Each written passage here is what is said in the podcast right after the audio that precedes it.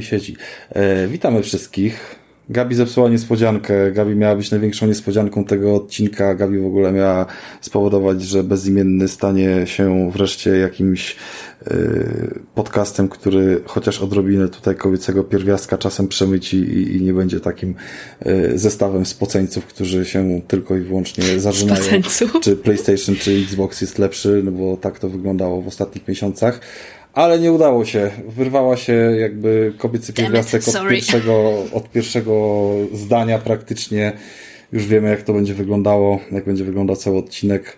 Cóż, bierzemy to z całym inwentarzem. E, w związku z powyższym odcinek 241 podcastu bezimienny, e, wcale nie taki anonimowy, ale jednak przed Wami Rafał, cześć wszystkim i nagrywamy sobie 19 lipca 2023 roku. Za taką podpowiedź dziękuję mojemu poplecznikowi tutaj po prawej stronie, czyli w Anglii, Christian Kender. E, dzień dobry, zawsze byłem, zawsze jestem, zawsze będę.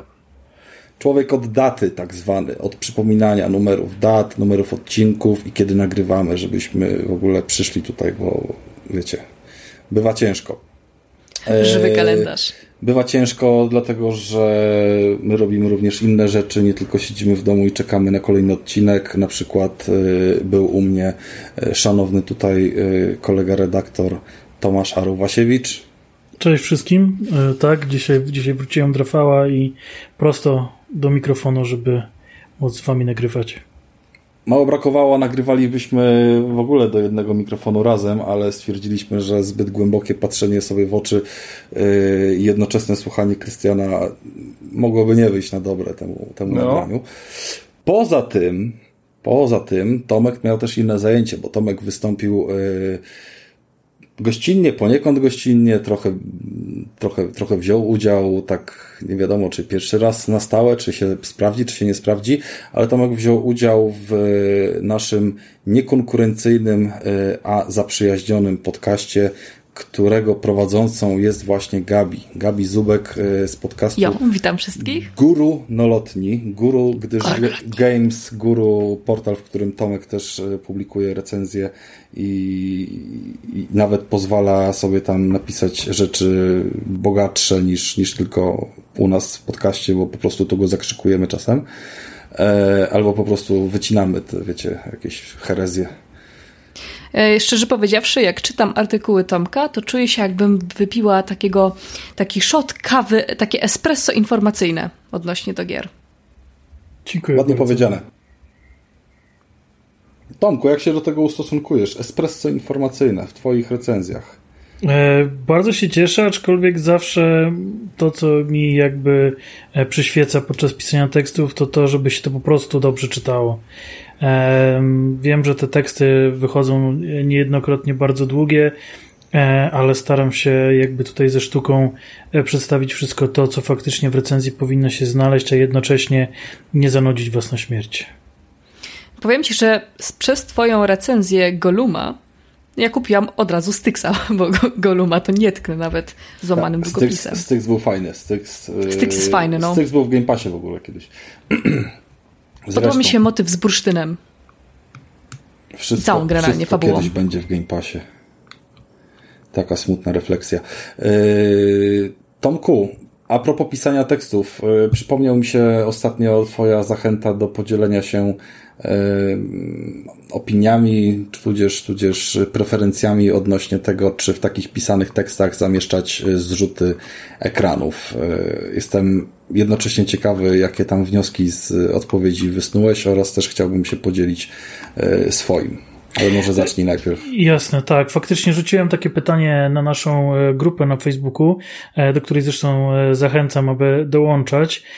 Nie tylko wrzucamy tam nowe odcinki, ale też często są różne właśnie ciekawe dyskusje i ja również starałem się taką jedną tutaj rozpocząć. Dlatego, że właśnie dostałem takie, takie jakby mm, zdanie, że, że, że u mnie tych screenshotów jest za dużo.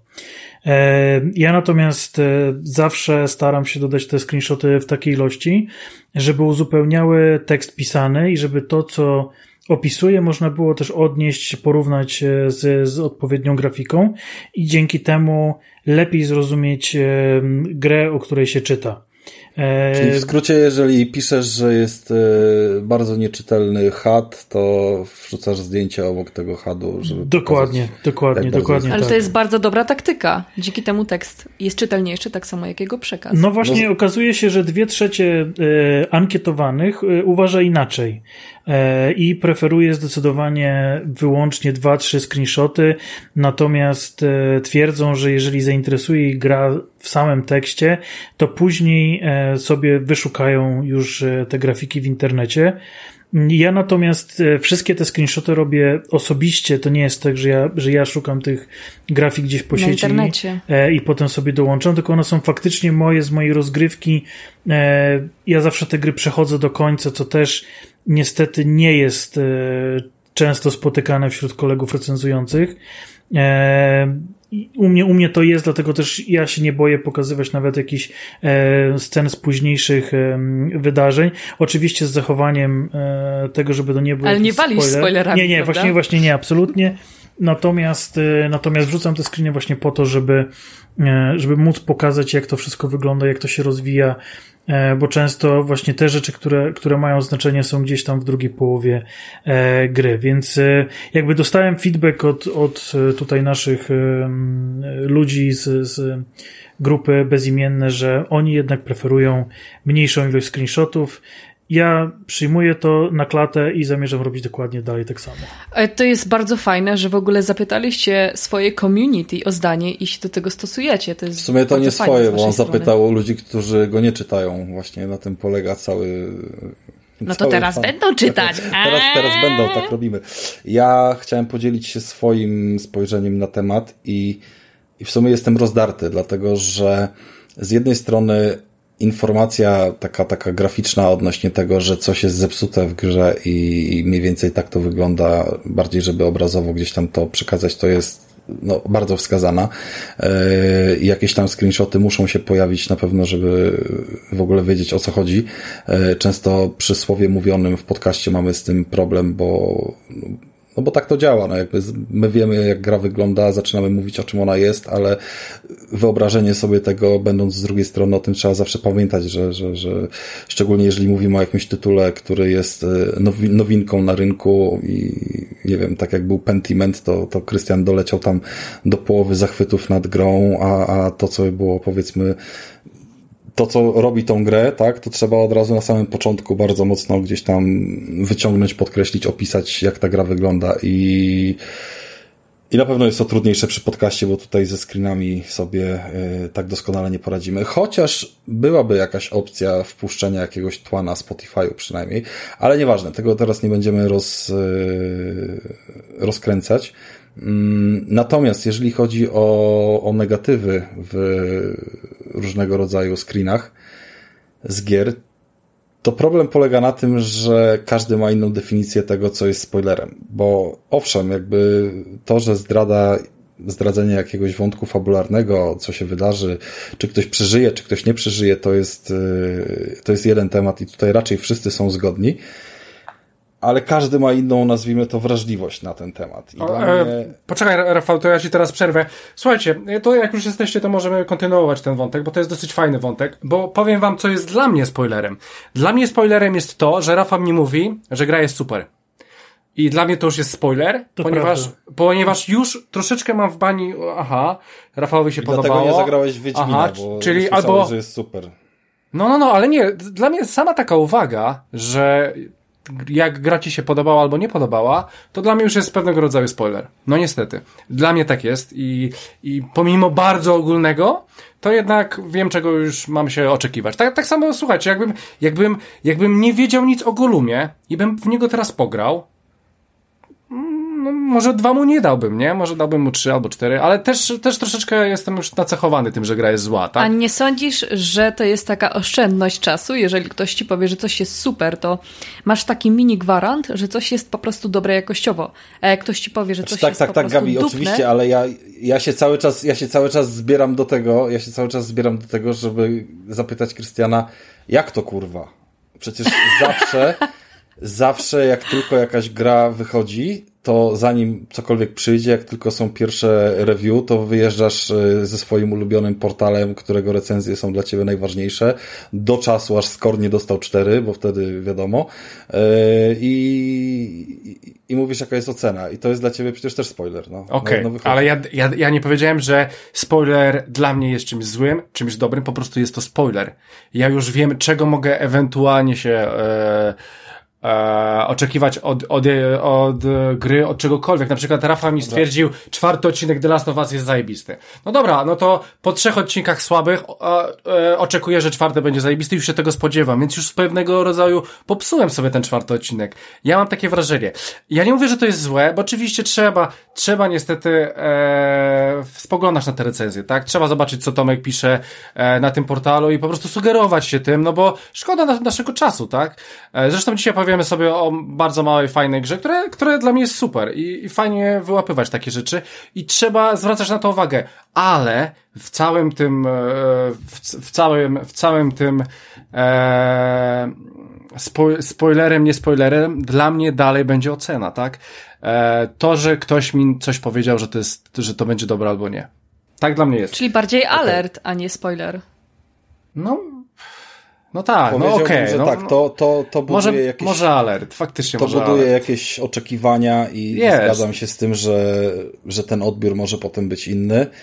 Spoiler to chyba nie jest dobre określenie, ale zrozumiem kategorię. Natomiast mm, alert, może po, pozostając, pozostając do kwestii zdradzania tego, co jest w grze, to przechodząc przez jakąś grę, nie wiem, tak załóżmy było w Godoworze, nie, ostatnim, e, gdzie się przechodziło przez różne światy, ale nie wszystkie te światy były znane nam z pierwszej części, w związku z tym było pewne zaskoczenie, co jeszcze zobaczymy, albo co jak wygląda. I o. pamiętam, że grając na bieżąco wymienialiśmy się spoilerami, to, yy, znaczy nie spoilerami, tylko jakimiś screenshotami, że coś tam zobaczyliśmy fajnego, ale to zawsze razem jakby wcześniej było pytanie tutaj do Jacka, czy do Tomka, czy do kogoś, yy, a gdzie jesteś teraz? No, tu i tu, jakoś tak wiecie, delikatnie. Okej, okay, dobra, to na razie. Poczekaj, Rafał, bo, bo, jeszcze chcę jedną rzecz powiedzieć. Słuchajcie, chodzi o to, chodzi o to że zwy, zwykły screenshot, chcę tylko powiedzieć, że zwykły screenshot, który nie ujawnia cały czas mówisz. wątku fabularnego, który mówi, że ktoś zginie albo ktoś przeżyje, wiecie, kategoria fabularna yy, duża tylko tak jak było przy Final Fantasy, o którym będziemy dzisiaj rozmawiali, że jakieś tam zobaczyłem zdjęcie przepięknego lasu, i to mnie striggerowało. Ja nie chciałem zobaczyć tego lasu na screenshocie, ja chciałem, żeby on mi dojebał z ekranu, takim wiecie, swoją maksymalną mocą i, i w tej wersji, nie? Nie cierpię, jak ktoś na premierę od pierwszego dnia zaczyna yy, walić wszystkim możliwym screenshotami nad piękną grafiką. Zobaczcie, jak ona jest piękna z każdej strony, bo nie będę się w stanie, internetu. nie będę się w stanie zachwycać tym na bieżąco. Owszem, może jeden, albo coś, co było i tak na trailerach, albo wiecie, jakieś takie głupoty, ale to jest bardzo grząski grunt, bo mi się w sumie udaje w internecie tego unikać. Eee, natomiast jeżeli już jest to w recenzji, decyduje się jakąś tą recenzję czytać, to, to jest szansa, że no jednak zobaczę, co tam będzie w niej umieszczone, nie? A mnie osobiście to wkurza na przykład w Krystianie, że, że on tak ma. Bo ja często przez to, że przechodzę te wszystkie gry, mam ochotę się z kimś podzielić. I z kim? Jak nie z wami. Z ludźmi, z którymi nagrywam podcast, z którymi i tak się będę chciał tym podzielić. I przychodzę, żeby się podzielić jakby właśnie taką jakąś emocją bardziej niż e, tak. faktycznie częścią gry. I przychodzi Krystian i mówi, o, zaspoilowałeś mi ty gnoju i tak dalej. I jakby, kurde, no, o kim, z kim mam o tym rozmawiać, nie? Nie lubię tego w Krystianie. Powiedziałem to głośno i nie ma tego w Game Passie. Okay. Czy właśnie był taki przeciągły lag, czy tylko Był ten przeciągły lag u wszystkim, ale nagrywanko jest e, offline, więc jest wszystko ok. E, tak, było. E, Okej. Okay. E, Tomku, bo ja nie usłyszałem, czego nie lubisz, e, tak na dobrą sprawę. E, no nie lubię właśnie tego w tobie, że traktujesz za spoiler samo podzielenie się emocją. Tak, to, to też jeszcze powiem wam bardzo fajny przykład. Wyobraźcie sobie, że gracie sobie, nie wiem, w jakiegoś indyczka na 6 godzin. I jest ogólnie średni. Jest średni, jest średni i ktoś wam mówi, ej, słuchaj, końcówka będzie zajebista. Po prostu wiem, wiem, męczy się, ale dojść do końcówki, zresztą gra jest krótka, końcówka będzie zajebista. I teraz tak, gdybym nie wiedział, że końcówka będzie zajebista i po prostu ją sobie przeszedł, to może na tą końcówkę zareagowałbym, o kurde, ale końcówka była zajebista. Ale wiem, że ta końcówka będzie zajebista, więc oczekuję tego i czekam na tą zajebistą końcówkę. Dlatego tutaj, moim zdaniem, to jest spoiler, powiem więcej, to jest ogromny spoiler, że ktoś mi coś mówi, że właśnie będzie kozak i w ogóle coś zajebistego na końcu. E, tak. To robi ci oczekiwania. Robi mi oczekiwania. Robi ci oczekiwania, tak.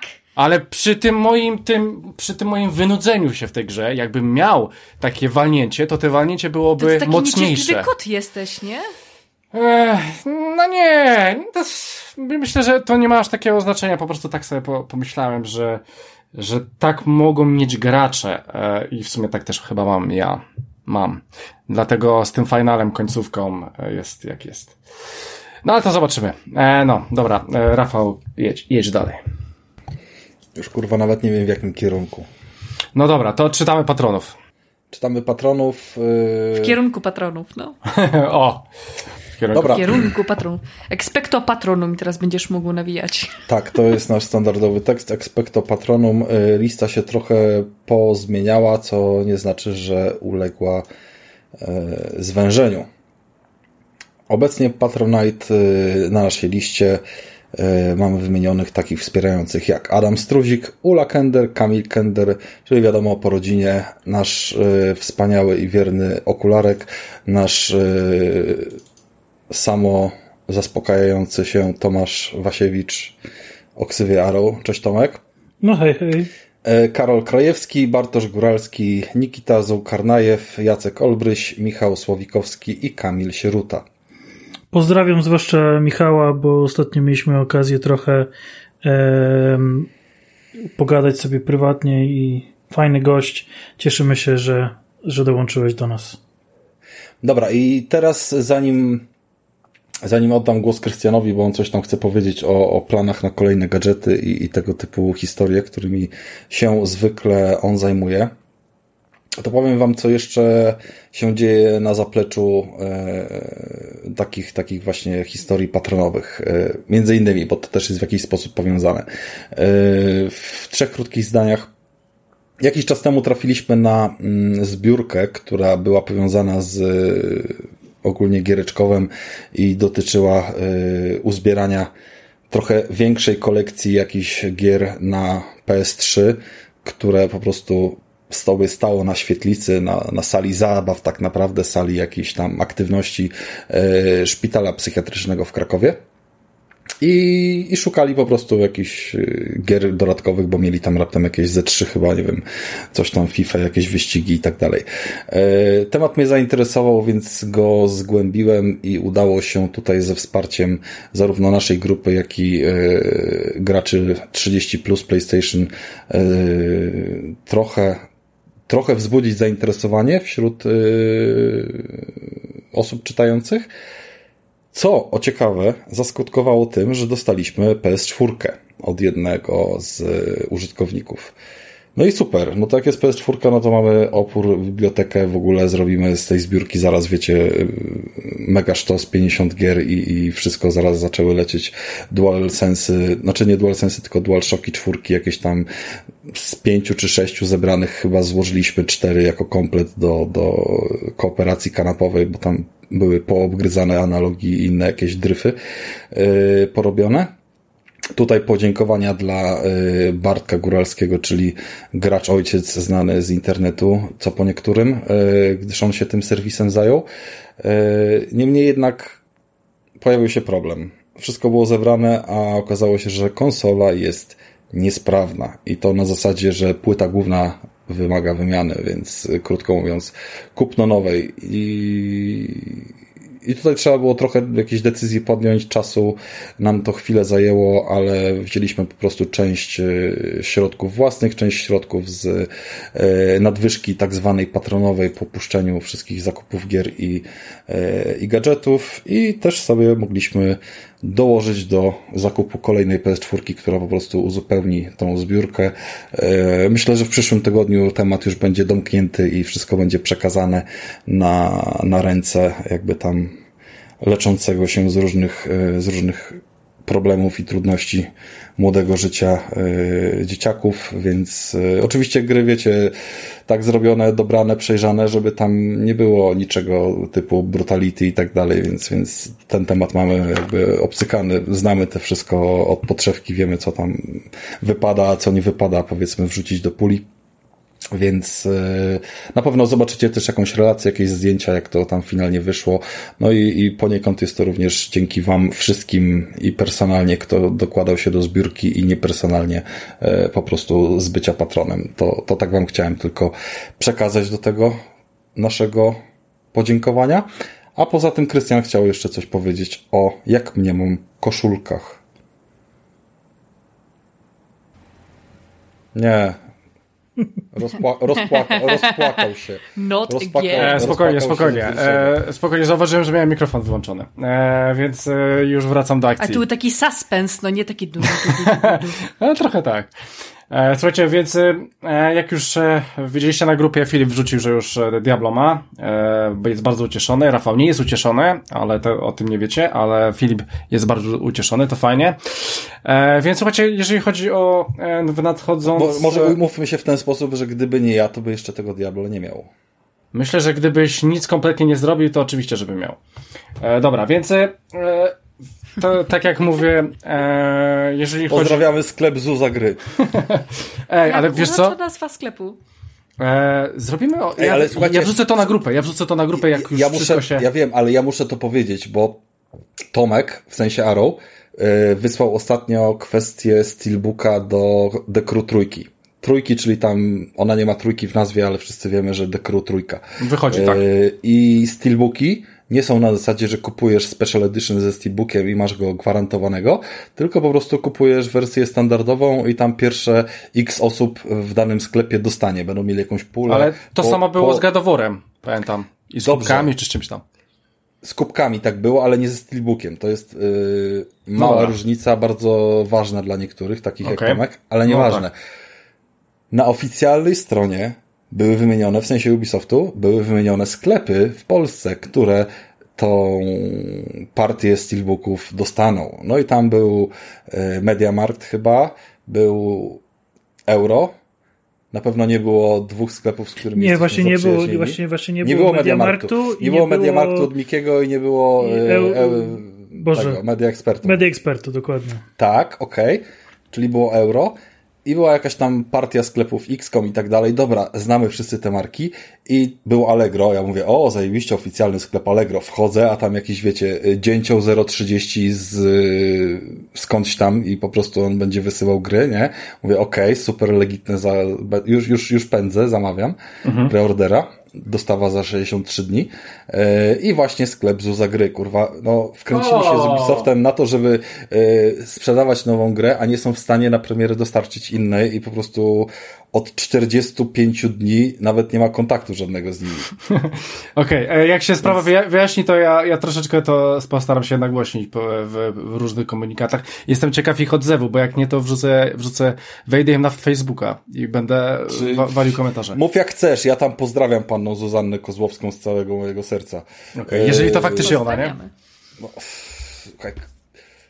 Czyli jednak, czyli jednak, e, Rafał, dostałeś grę ze światowego serwisu, tak? Widzisz? Tak, światowy serwis. No, no. jakby jak zobaczyłem, że z Ubisoftem mają kontakty, to już się tak, wiesz, zakręciłem, że hej. No. Dobra. E... Dobra, więc e, mówiłem ja. Nie pierwszy, e, nie ostatni taki sklep. E, tak, e, słuchajcie, mówiłem o tych patronach, więc e, dwie rzeczy chcę powiedzieć w sumie. W sumie będę chciał trzy. E, pierwsza rzecz to jest taka, że e, trzy gry do nas trafią w, przez najbliższy miesiąc. Można powiedzieć, że przez miesiąc dostaniemy trzy, premierowe gry. E, nie będę mówił oczywiście tytułów. Będą to oczywiście gry od patronów, więc my je przejdziemy, my je wyślemy. Więc to jest fajna opcja, że dosyć, w dosyć krótkim czasie będzie tyle gier. W sumie nie jest trochę premiery w sierpniu.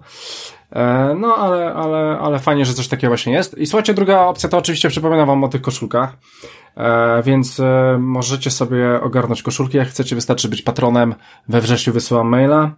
E, i, i po prostu e, mówię, jaka jest, jaka będzie tego kwota.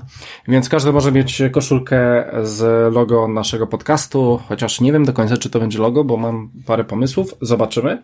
E, faktem jest, że no niestety, Gabi, ale nie ma koszulek damskich, że tak powiem. Znaczy w sensie są, ale Kom, komu potrzebne koszulki damskie? Najlepsze męskie, zwłaszcza w Medicinie albo w Kropie. Zawsze. O, widzisz, akurat w kropie zawsze lubiłem te koszulki, bo ten, e, bo ten nadruk był całkiem dobrej jakości. Tak! I się nie spierał tak szybko. Dokładnie, dokładnie. E, wy nie macie Primarku? A nie, chyba jest w Polsce jeden Primark. Jest, Mamy jest, Primark. już mamy. To- Chyba Nawet w jest, no. Krakowie jest. To, to jest, to są jednorazowe ciuchy. Dla mnie to są jednorazowe ciuchy, autentycznie. E, przynajmniej w Anglii tak jest, tak? W Polsce. Chociaż w Polsce powinno być e, to samo. Ale dla mnie... Nie wiem, ale ja w Medicinie kupiłem ostatnio 40 par skarpetek.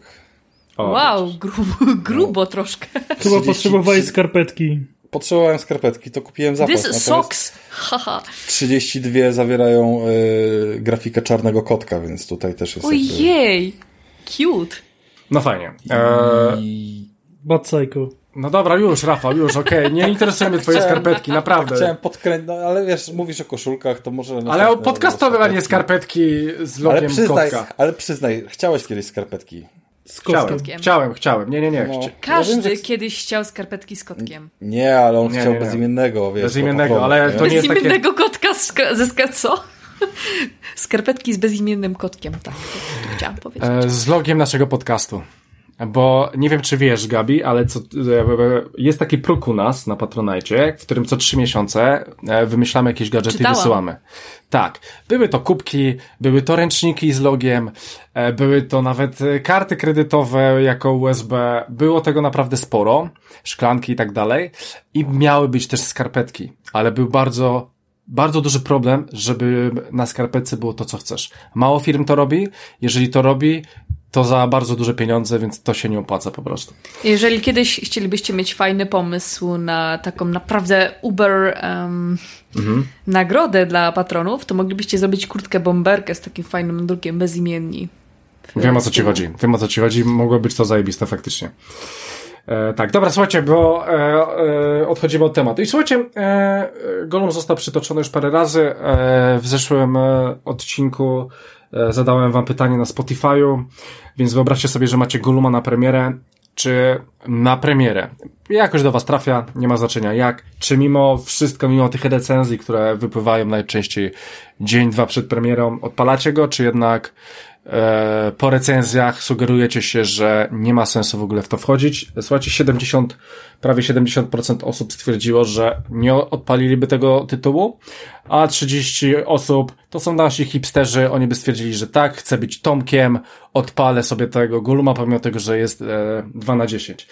E, więc e, fajnie, że nasi słuchacze grają w dobre gry i nie grają w beznadziejne gry.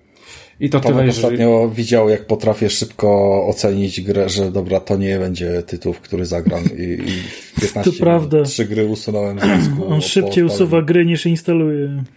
Chociaż jeżeli chodzi o Goluma, to podobał mi się motyw e, tak jakby konfliktu wewnętrznego głównego bohatera i poza tym, nie, to, to było fajne. Nie, no w I poza porządku. tym, że mechanicznie było to ziemniaczane, no i wiadomo, nie można było ukończyć gry, to fabularnie nawet to się broni. Tylko, Gabi, ale mam, mam do ciebie takie pytanie. no, Yy, A, a, bo- a to, to ja też mam do niej słucha- te pytanie. Słuchałaś naszej, Dawaj. słuchałaś naszej recenzji? oczywiście, Tutaj- że słuchałam. Okej, I, koniec i pytania. zro, zrobiłaś, zrobiłaś tak, jak y, było za, zapowiedziane, że obejrzyj sobie walkthrough na filmiki cinematic na YouTubie, czy faktycznie grałaś? E, Nie grałam w to, nie, nie mam e, pieniędzy na zmarnowanie, jakbym dostała za darmo, to, to czemu nie, ale... Czyli oglądałaś, A, czyli- czyli... rada była dobra i właśnie w ten sposób najlepszy odbiór gry możliwy został No dobra, to, to ja mam do ciebie No pytanie. wszystko. Znaczy, nie, może ja mam takie stwierdzenie, może pytanie, e, że jeżeli ta gra faktycznie jest ziemniakiem, to na przykład mi osobiście ciężko by było wejść w tą fabułę, bo ta gra jest ziemniakiem. W sensie, no jest tak toporna w tym wszystkim, że po prostu nawet nie chce mi się wchodzić w tą fabułę, nie? Doskonale wiem o co ci chodzi, e, jak mechanika gry może totalnie, jak źle jest źle wykonana, może totalnie spieprzyć wrażenia, nawet z tytułu, który może mieć przefantastyczną fabułę. Dokładnie, nawet To niestety e, prawda i na oczach wewnętrzna Tomka- przemiana Goluma. na oczach Tomka wyjebałem Alexa dwójkę tak pięknie z dysku, że hej. No to aż było, aż było słychać, aż było Przepraszam, słychać przepraszam było... Mikołaj, naprawdę walczyłem. Słuchajcie, było słychać skowyc, skowyc z piaseczna. tak. Okej. Okay. Skowyc z piaseczna. Nie, bo kolega Nie, Mikołaj, fan Alexa jest... Wielki fan Alexa. Znaczy on ogólnie całe drewno opierdala. No bo tak, gotik te sprawy. No. Liczy się tylko siła, więc nie mów mi takich rzeczy. Mm.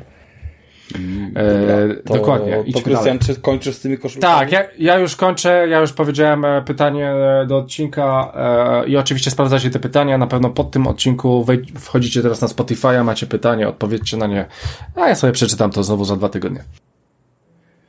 Dobra, to, to ja mam takie pytanie do Gabi. Co tam robisz Dawaj. w tym podcaście swoim w ogóle? O Boże, robię, robię dużo e, rzeczy. Gadam do ludzi. Ludzie gadają do mnie. Um, moją ideą na całą tę audycję było stworzenie po prostu pełnoprawnych materiałów, które fajnie wprowadzą młode osoby do po prostu branży gier. Jeżeli ktoś szuka jakichś informacji, żeby dostał takie, takie gotowe narzędzie, takie gotowe toolsy do zaczęcia swojej kariery. Na przykład informacje na temat koncept artu, jak pisać scenariusze, takie wyprawki do szkoły game devu, no nie wiem jak to inaczej ująć. I mhm. ale, ale w jakiej formie to w takim razie rozmówki. idzie? Z... Bo to są tematy dosyć mocno branżowe, nie? Tak.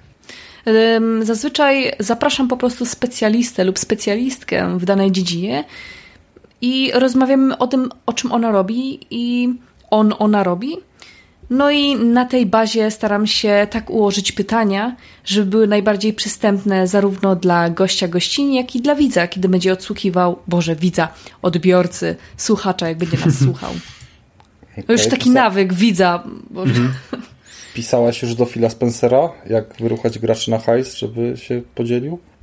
No, Ryanowi idzie lepiej, więc... Szczerze powiedziawszy, to co robimy, to jest po prostu od graczy dla graczy. Ja robię to z pasji, a nie dla dochodów. Nie, no, broń Boże, nie mówię o twoich dochodach tutaj, tylko wiesz, jakby... Rafa ma specyficzny humor, e, który po prostu objeżdża Xboxa. A Boże, nie, nie, więc... nie wjechałam na poczucie, okej, okay, dobra, rozumiem. No, więc e, o, o to mu chodziło, no. Nie, ale to jakby nie patrzeć było, wiesz, związane z tematem, bo skoro to są materiały, które mają młode osoby w jakiś sposób tam poinstruować... Znaczy nie tylko młode, każdego wieku. Masz rację, Ci, dobra, źle zakładam, ale okej, okay, guide to tak domyślnie wyszło, że dla młodych, y, którzy się nie, nie są zorientowani, ale nie determinujemy tego dla każdego, kto chce po prostu wejść do game devu, żeby był przewodnik, żeby mogli zobaczyć od osób, które pracują w game devie, jak to wygląda. No ale tam też jakby istotny jest temat pieniędzy i w game devie? W, każdej pracy. W każdej pracy jest istotny temat pieniędzy, więc kwestia tego, czy yy, idzie na tym się wyżywić, czy nie idzie się na tym wyżywić, czy lepiej robić gry, czy lepiej o tym też mówimy, czy lepiej w sensie... je sprzedawać, jakby wiesz. Staramy się wspominać o takich aspektach w naszych podcastach. W ogóle Innym e, podcastem, który bardzo fajnie o tym mówi, są też przegrani, chyba już, nie wiem, chyba już raczej nie nagrywają. Już są przegrani, ale mają, ale mają obszerne materiały również na, na te tematy, więc też polecam się zaznajomić. A jeżeli chodzi o nasz podcast, to um, staramy się właśnie pokazać taki, taki wstępniak, takie najbardziej esencjalne rzeczy. No i staramy się też uchwycić jakieś ciekawe mm, ciekawe tematy, jak chociażby planszówka do Heroesa trójki. O Jezu, kocham Heroesa trójki. Dobra, więc, e, bo ja jestem e, wielkim fanem planszówek i myślałem, żeby ich wesprzeć, ale tego nie zrobię, ponieważ ta planszówka chce być zbyt mocno grom, e, grom w sensie Heroes of Might and Magic 3 zbyt mocno chce iść w grę, chce być grą jeden do jednego, a jeżeli planszówka próbuje coś takiego, to jest skazana na pożarcie. Gra jest do czterech graczy, nie wyobrażam sobie, żeby czterech graczy do tego usiadło. No nie, po prostu nie wyobrażam. Dopóki nie będę mieć tej planszówki Aha, fizycznie, okay, to, dopóki okay, jej nie dobra. ogram, nie jestem w stanie się wypowiedzieć na ten Okej. Okay. To e, powiem ci, nie ja, wiem, nie ja wiem poczekaj, poczekaj Rafał, poczekaj, bo to, jest, bo to jest mój temat.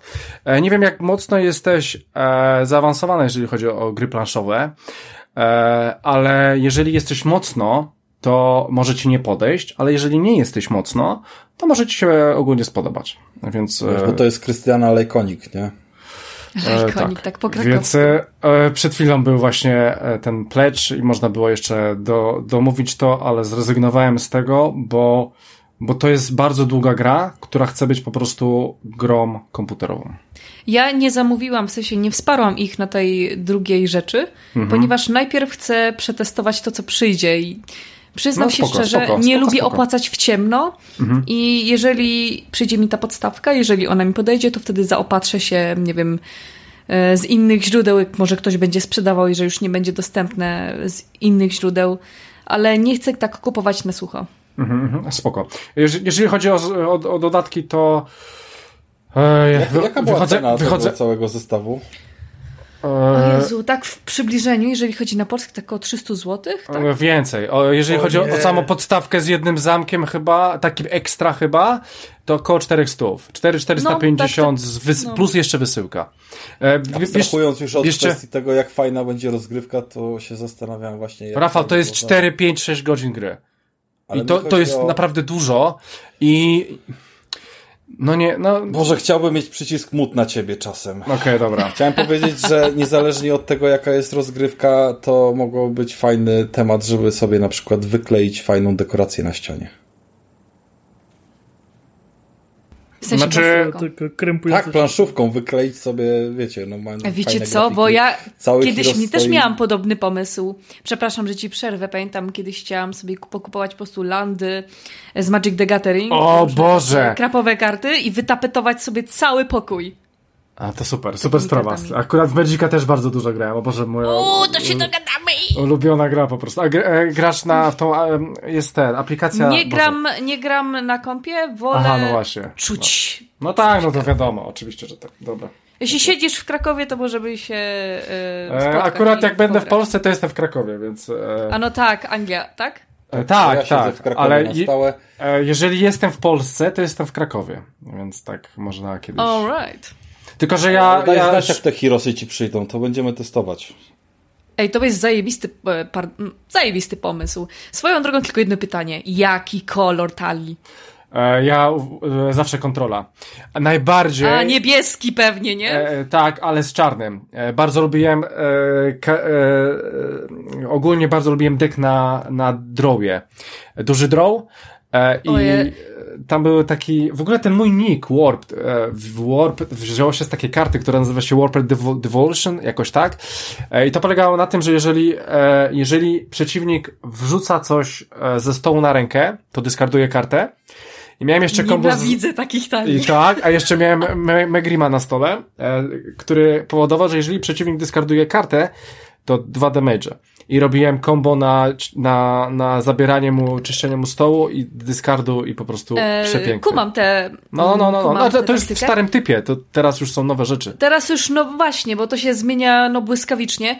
Jeżeli o mnie chodzi, to ja lubiłam zawsze połączenie e, czerwonego i białego, e, mhm. takie trochę Soul Sisters, ale mhm. z detailem. W sensie lubiłam tak jakby postaciami, tapować mhm. creature'ki przeciwnika. Wyobraź sobie, że wrzucasz, nie wiem, jakąś hydrę 5 na 5, e, wrzucam jakiegoś typka 1 na 1, Gideon, coś tam. No wiem. E, przekręcam, po prostu ci tapuję te wszystkie stworki. Och, wyraz zniecierpliwienia i No okej, okej. Okay, Aczkolwiek wiecie, że możecie o tym pogadać po podcaście. Wydaje mi się, wydaje mi się, że niebieska talia miała więcej takich kont kontrolujących rzeczy. Bo miałem na przykład Miała. kartę, która tapuje wszystko. Nie wiedzą. O Jezu. Nie wiedzą. No okej, okay. dobra, no nieważne, nie ale tak, no Magic jest piękny. Kto nie Magic przeżył, to, to jego sprawa, tak. No, znaczy to jego strata po prostu, tak. To, to samo co z Heroesami trochę.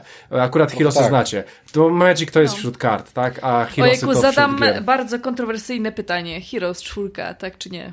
Zajebiste. Dla mnie jeden nie. z lepszych i dla mnie osobiście dla mnie osobiście bo tam była taka kampania, nie wiem czy pamiętacie, że przechodziło się jedną kampanię, tam, bo tam się walczyło bohaterem, tak? I mieliście powiedzmy pięć kampanii, w którym mieliście innych bohaterów, pakowaliście ich do końca w całych kampaniach, a w szóstej kampanii ostatniej graliście wszystkimi bohaterami, których mieliście przez całą kampanię. No kurwa, Mistrzostwo Świata. To się, się tak pięknie grało. O! Ale tak że samo czwórka? było w trójce już. No. Ale grało się tymi bohaterami. To było też zajebiste, że, że słuchaj, twój bohater mógł być lepszy niż 10 czarnych smoków. To było zajebiste. Tak, bohater no. Chad. E, wiecie co? Czwórka byłaby fantastyczną grą, gdyby nie należała do serii Heroesy. Takie jest moje mm, zdanie. No, być może. Ja, ja mówię, ja się super, super bawiłem. Gdyby była 2D, to by była jeszcze lepsza. Nie, no była 2D, nie gadaj. No. Znaczy ona inny, inny rzut miała, okej, okay, no ale ogólnie 2D. Jaka cisza. Czekam, czekam, czekam, żeby się upewnić, że skończyliście, że... Tak, tak, tak, tak. No tak, tak. Magic jest Heroesy też. Jej. Dobra. E, skoro tak, Krystian, stawiasz sprawę, to przejdziemy do Wydziału Recenzji. Co? Mhm. Tak, i w Wydziale Recenzji mam coś takiego wspaniałego, co na pewno się ucieszysz, że dzisiaj przywołujemy, gdyż minęło raptem 9 miesięcy od premiery. Będzie to Gotham Knights. Dzisiaj lecimy z Gotham Knights. Zapraszam Aż bardzo. ty chuju. Dobra. Tak, zapraszam bardzo y, Tomka i Krystiana. Jeden. Zostały ci cztery. Krystian, masz, nie, nie... masz ochotę coś powiedzieć o Gotham Knights? E, to, że e, e, miałem wrażenie, że te 30 klatek, które było w tej grze, bo przypominam, że gra nie dostała 60 klatek, ale no w sumie jest ok, to tak czasami nie trzymało tych 30 klatek. Miałem takie wrażenie. E, grałeś w koopie, czy grałeś Nie, nie, nie, grałem, grałem, grałem samemu. Grałem samemu i wyciągałem 100% z 12-teraflopowego potwora. No i niestety, no i niestety z tym działaniem było różnie. E, aczkolwiek, e, powiem tak, no, no średnio biednie, ale, ale klimat jest dobry. Znaczy w sensie, no w ten świat to dostaje od razu, tak jak do tego spierdolonego serialu, tak? Gotham Knights. No to, Czekaj, no to... czy Gotham Knight to jest ta część, gdzie tam przyjaciele Batmana dostają jakąś wiadomość od niego, tak? Tak, Batman nie żyje, to jest może po, początek i coś tam właśnie dostają i oni robią te śledztwo związane, kto zabił Batmana, kto za tym stoi, bla, bla i tak dalej. I wyszedł też teraz, właśnie skończył się, Tomek oglądał ostatni odcinek parę dni temu, e, serial Gotham Knights, w sumie chyba taki sam trochę, z innymi postaciami oczywiście, ale jakoś tak znaczy, no, fabularnie, no, no, no, no nie, no jakby gra Gotham Knights skupia się zdecydowanie na Batrodzinie.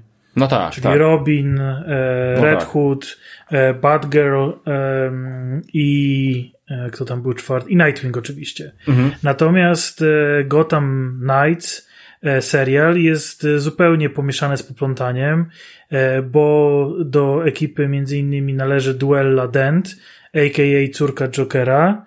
I Harley Quinn? Nie, Harley Quinn tam nie ma. Ale Dent to było nazwisko Natomiast... tego nie, no ja. tak? Harvey Dent. Tak, tak, tak, tak, tak, tak, tak. I to Natomiast jest córka to jest Jokera i Harley Quinn. No właśnie, Tomek. On, ona nie jest Harley Quinn. Jest córką Harley Quinn jest i Jokera. Córką. Nie, jest córką, w, tej, w serialu nie jest córką Harley Quinn. W, Aha, w serialu okay. jest córką Jokera no. i pani, która również była osadzona w Arkham. Ona, pani, która jakby ją spłodziła, nie jest absolutnie Harley Quinn, nie ma z tą postacią nic wspólnego. Także proszę mi tutaj nie, nie, nie okay, szerzyć no dobra, e, okay. dezinformacji. Ja jeszcze, jeszcze cię sprawdzę, ale opowiadaj, no. Możesz, możesz sprawdzić. Oczywiście, Natomiast... że cię sprawdzę. Natomiast jeżeli chodzi, e, jeżeli chodzi o grę, no to tam, tam konkretnie e, mamy do czynienia z e, kanonicznymi postaciami, z takimi, które są już od wielu lat ugruntowane, czy w komiksie, czy, czy w innych mediach. I mamy do wyboru ich czwórkę, z czego początkowo, jakby jak grę zapowiedziano, było powiedziane, że będziemy mogli całą grę przejść w czwórkę. Na premierę okazało się zupełnie inaczej. E, udostępniono tylko koop dwuosobowy. E, obniżono właśnie liczbę klatek z 60 do 30 e, i ten koop czteroosobowy miał dojść później. Na początku był to miesiąc, ostatecznie chyba zajęło to 3 miesiące. I ja, mówiąc szczerze, w ten koop czteroosobowy nie grałem. Ja całą grę zbingowałem przez weekend z kolegą w dwójkę w koopie przez sieć. Jest to o tyle ciekawe, że tam się wraca do e, Belfry, czyli e, dzwonnicy, e, w której jest jakby baza wypadowa bohaterów. I w, e, za każdym razem, kiedy tam wracamy, gdzie czasami wracamy tam fabularnie, czasami możemy sami o tym zdecydować, możemy sobie tę postać, którą gramy, wymienić.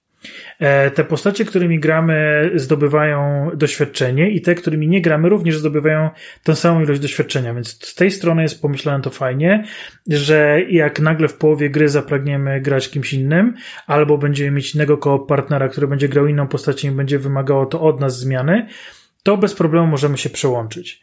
Niemniej jednak, mm, tutaj popełniono pewien błąd e, jakby w budowie rozgrywki, ponieważ jasne, te postacie zdobywają te poziomy i teoretycznie są na tym samym poziomie, ale jeżeli nie gramy tymi postaciami, jeżeli nie robimy takich małych e, wyzwań, e, to nie odblokowujemy bardzo wielu rzeczy, w tym na przykład e, szybkiego poruszania po mapie. Tam każda postać ma trochę inne, inny ten sposób. Ktoś tam ma teleport, ktoś tam ma takiego drona, pod którego się podczepia, E, ktoś tam ma coś jeszcze innego, natomiast tego nie odblokowujemy, jeżeli nie gramy tą postacią. E, do tego tam dochodzą jakieś specjalne ciosy, e, umiejętności i tego wszystkiego nie ma. I teraz ja właśnie chciałem, chciałem to sprawdzić, ponieważ doszedłem do momentu, w którym przydałaby mi się Batgirl, bo ona ma drzewko specjalizacji hakowanie, przyjmowanie kamer, tego typu atrakcje.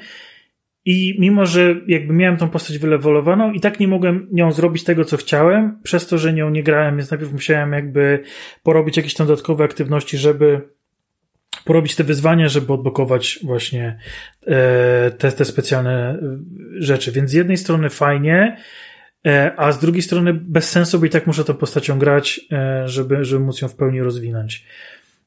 Niemniej jednak, no, no, gra nam spodobała się na tyle, że, że no, mówię, właściwie przeszliśmy je na jednym posiedzeniu. Nie jest to czyli, po, czyli Tomku na jednym posiedzeniu, tak jak Redfalla praktycznie, nie? Czyli... No, to właśnie było moje pytanie, tak. czy masochizm kooperacyjny, masochizm growy y, Gotham czy Redfall? Nie, nie, nie, nie. Masochizm zdecydowanie to był Redfall. Gotham Knights było grą przyjemną, ale to jest takie mocne 7 na 10. Głównie to 7 na 10 jest za to, że mogłem ją przejść w koopie, bo pewnie jakbym grał nią sam, to byłaby ta ocena niższa. Natomiast czuć, że jest to dzieło twórców Arkham Origins, tak? Bo e, seria Arkham miała różne części, za Arkham Origins odpowiadało inne studio, e, to miało być taki jakby e, powiew świeżego powietrza dla studia pracującego nad Arkham Knight już w tamtym czasie. Trochę jak te wszystkie zamieszania z Call of Duty, że co roku wychodzi Call of Duty od innego studia. E, to tutaj też właśnie tak jakby postanowiono ten, e, to jakby dać ludziom Arkham, nie dając ludziom Arkham. I to niestety czuć, że to są twórcy od, od Arkham Origins, że to, że oni nie czują tego Batmana, że oni jakby coś gdzieś, jak byli mali, to może przekartkowali i oni wiedzą, że ludzie się tym jarają, ale tak, tak nie do końca. Jakby, jakby ktoś im dał puzzle, ale oni nie wiedzą, nie mają tego obrazka, który mają ułożyć, nie? E, więc, więc takie, takie miałem jakby odczucie tutaj. E, ja w ogóle, jeżeli chodzi o ten tytuł, bo troszeczkę się z tobą zgodzę, nie wiem, nawet więcej, zgodzę się z tobą, e, ale e, powiem wam tak, z tego jak zapamiętałem Batmana, całą ogólnie tą trylogię Batmana i te pierwsze części w sumie, one były zajebiste, ponieważ na przykład mi bardzo podobało, bardzo podobał się mechanizm, w którym były te gargulce, i po cichu się fajnie zabijało, miało się fajne skille i po prostu po cichu się fajnie eliminowało. Natomiast w tej, w, w tych nowych Batmanach, a szczególnie w tym teraz Gotham Knights, to jest nastawione na ciągłą walkę. Non-stop walczymy. Tu nie ma w ogóle skradania. Praktycznie nie ma skradania.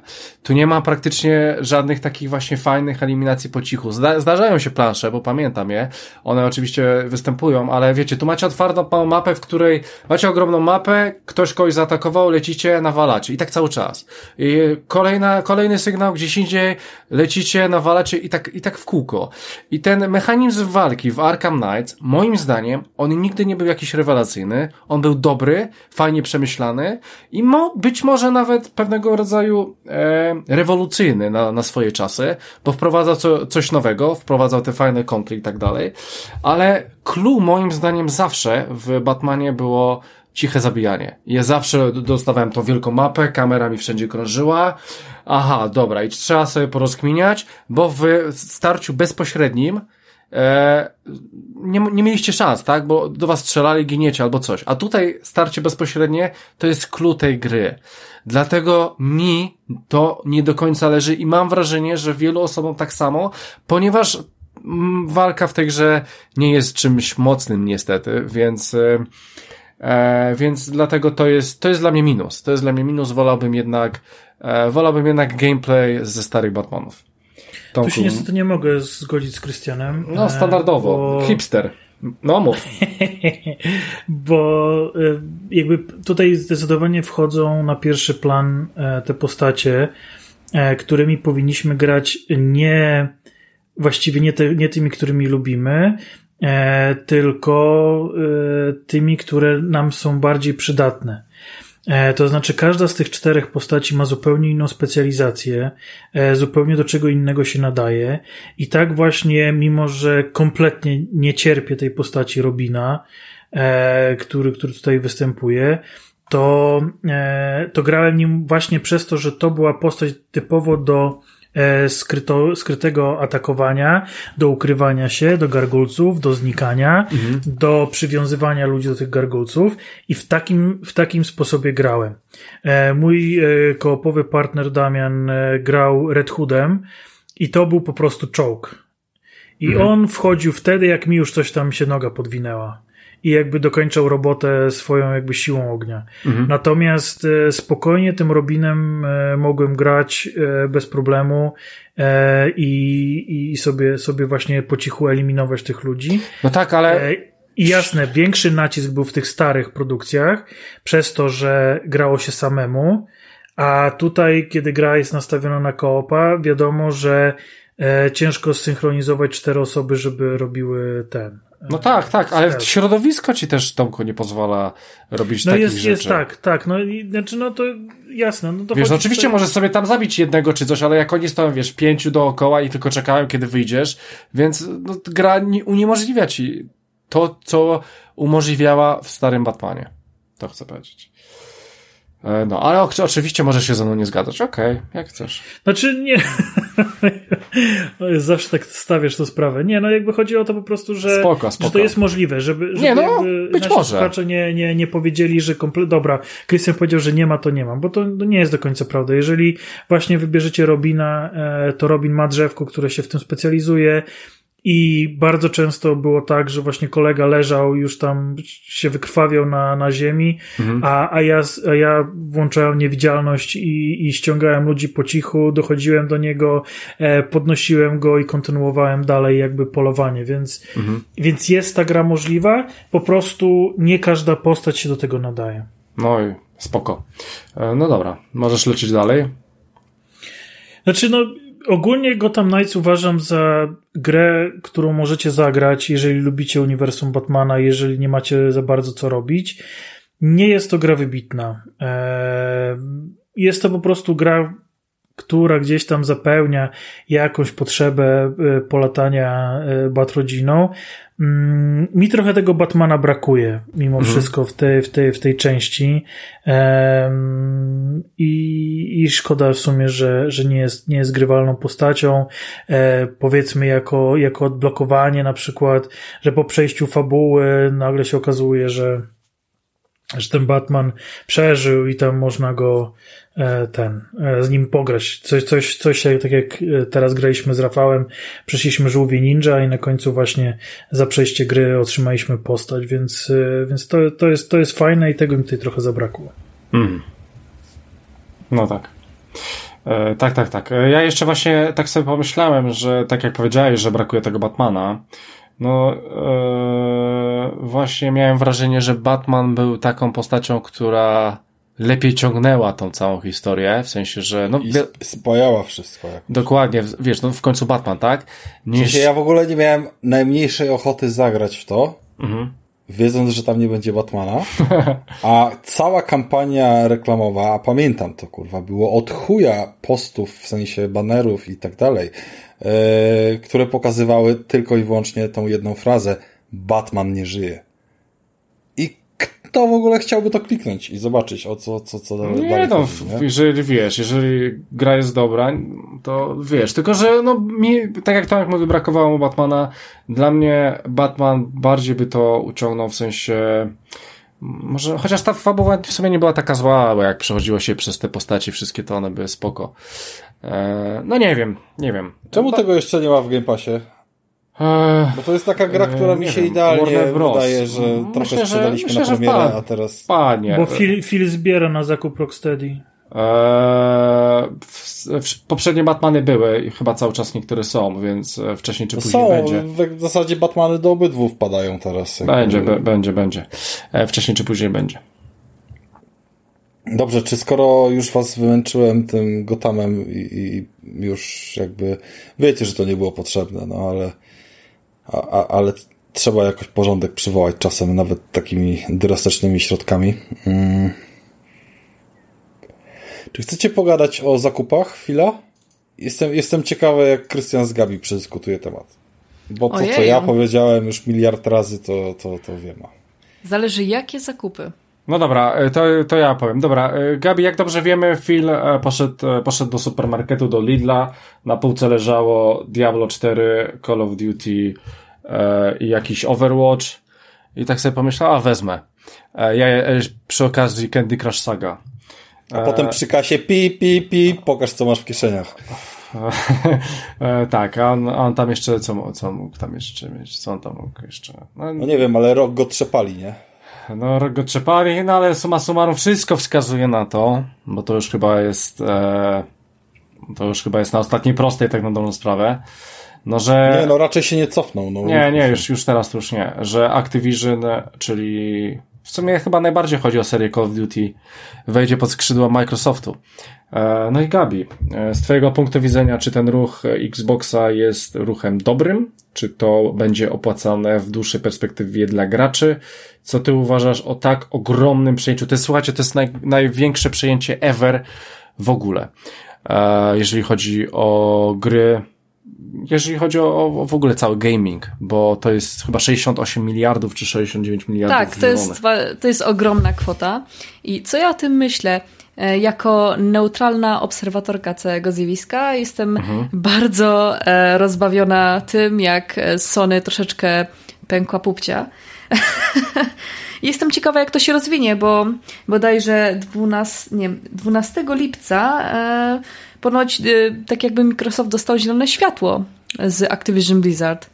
A jeszcze e, wcześniej, 12 właśnie czerwca, e, przecież ta komisja handlu wniosła o tak jakby zakaz zbliżania się, taki w wzięty w cudzysłowie e, Microsoftu do Activision Blizzard. Więc jestem bardzo ciekawa rozwoju sytuacji i zobaczymy, co z tego wszystkiego wyniknie, bo no cóż, Tutaj w powietrzu wisi takie zagrożenie, takie zagrożenie monopolizmu, monopolu. Nie wiem, jak to dokładnie odmienić. Mhm.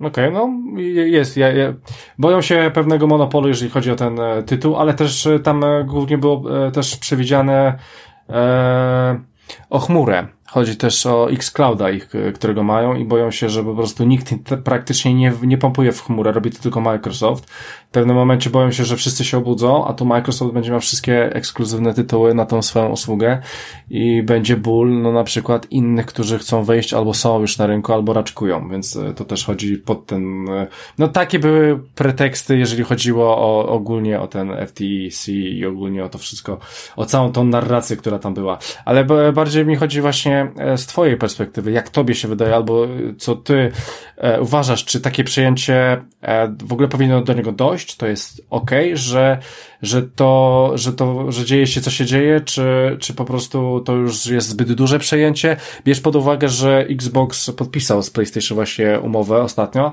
na 10 lat. Seria Call of Duty będzie ukazywała się na e, PlayStation e, przez najbliższe 10 lat. Oczywiście inne tytuły Blizzarda prawdopodobnie nie.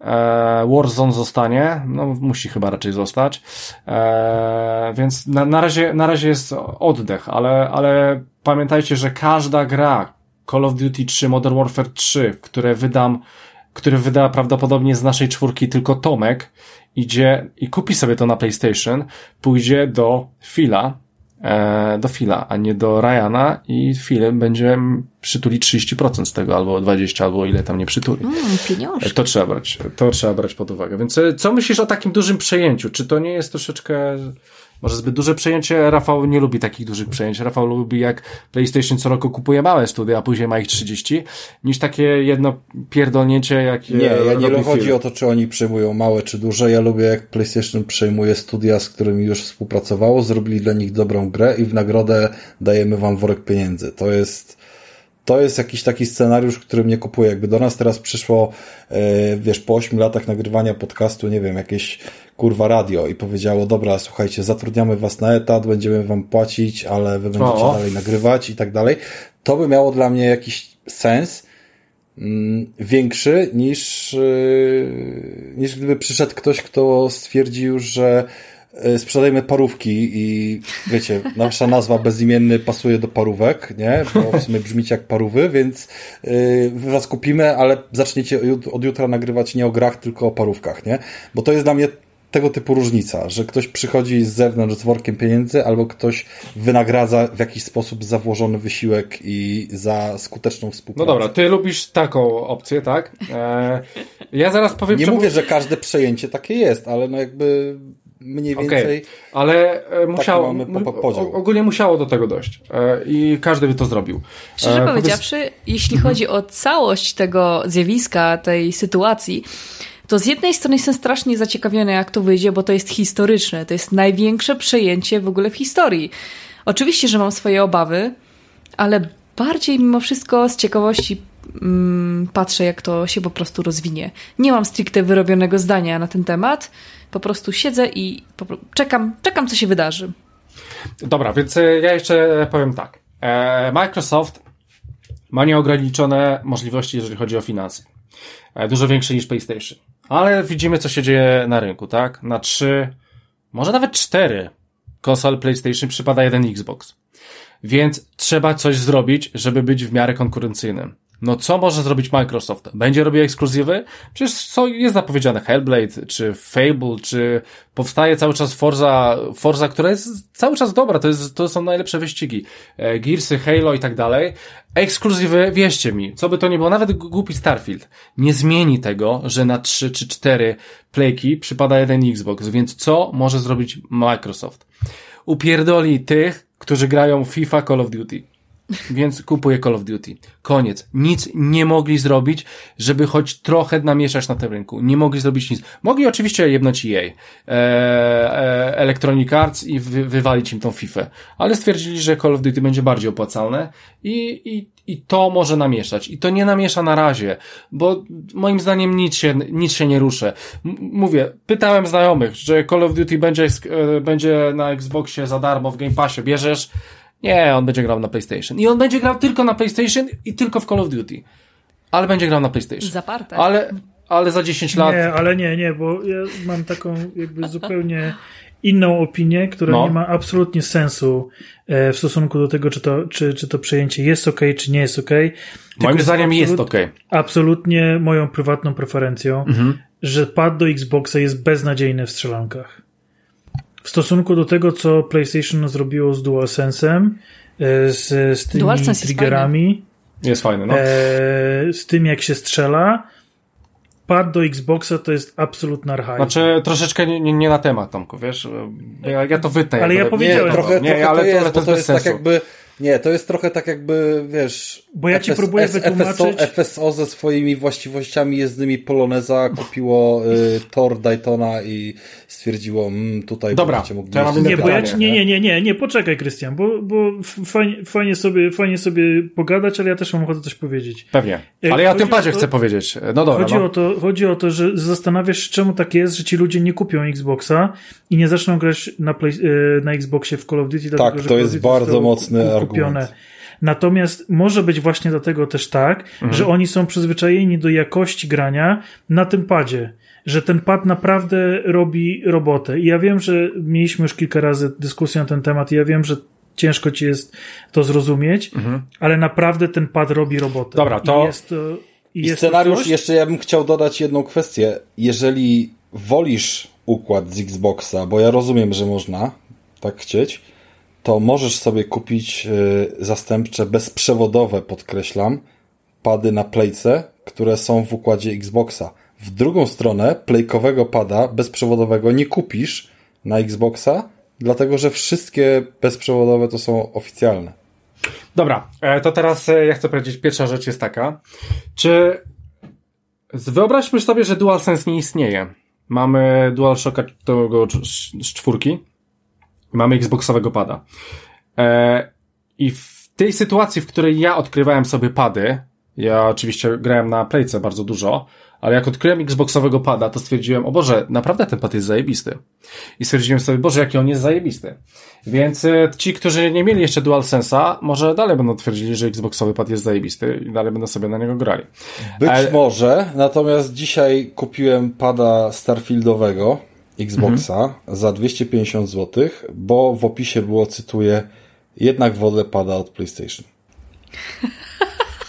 Jakby Aha. dosłownie, Rich. nie? Ale, ale przecież kupiłeś. Kupił. W porządku, nie, ale, ale, ale kupiłeś go właśnie, bo jest taki zajebisty, tak? Bo fajnie ja wygląda. Kupiłem, bo jest ładny, jest najładniejszym, no bezużytecznym jest, padem jest, jest. jakby na świecie. Okej, okay. E, jest bardzo ładny.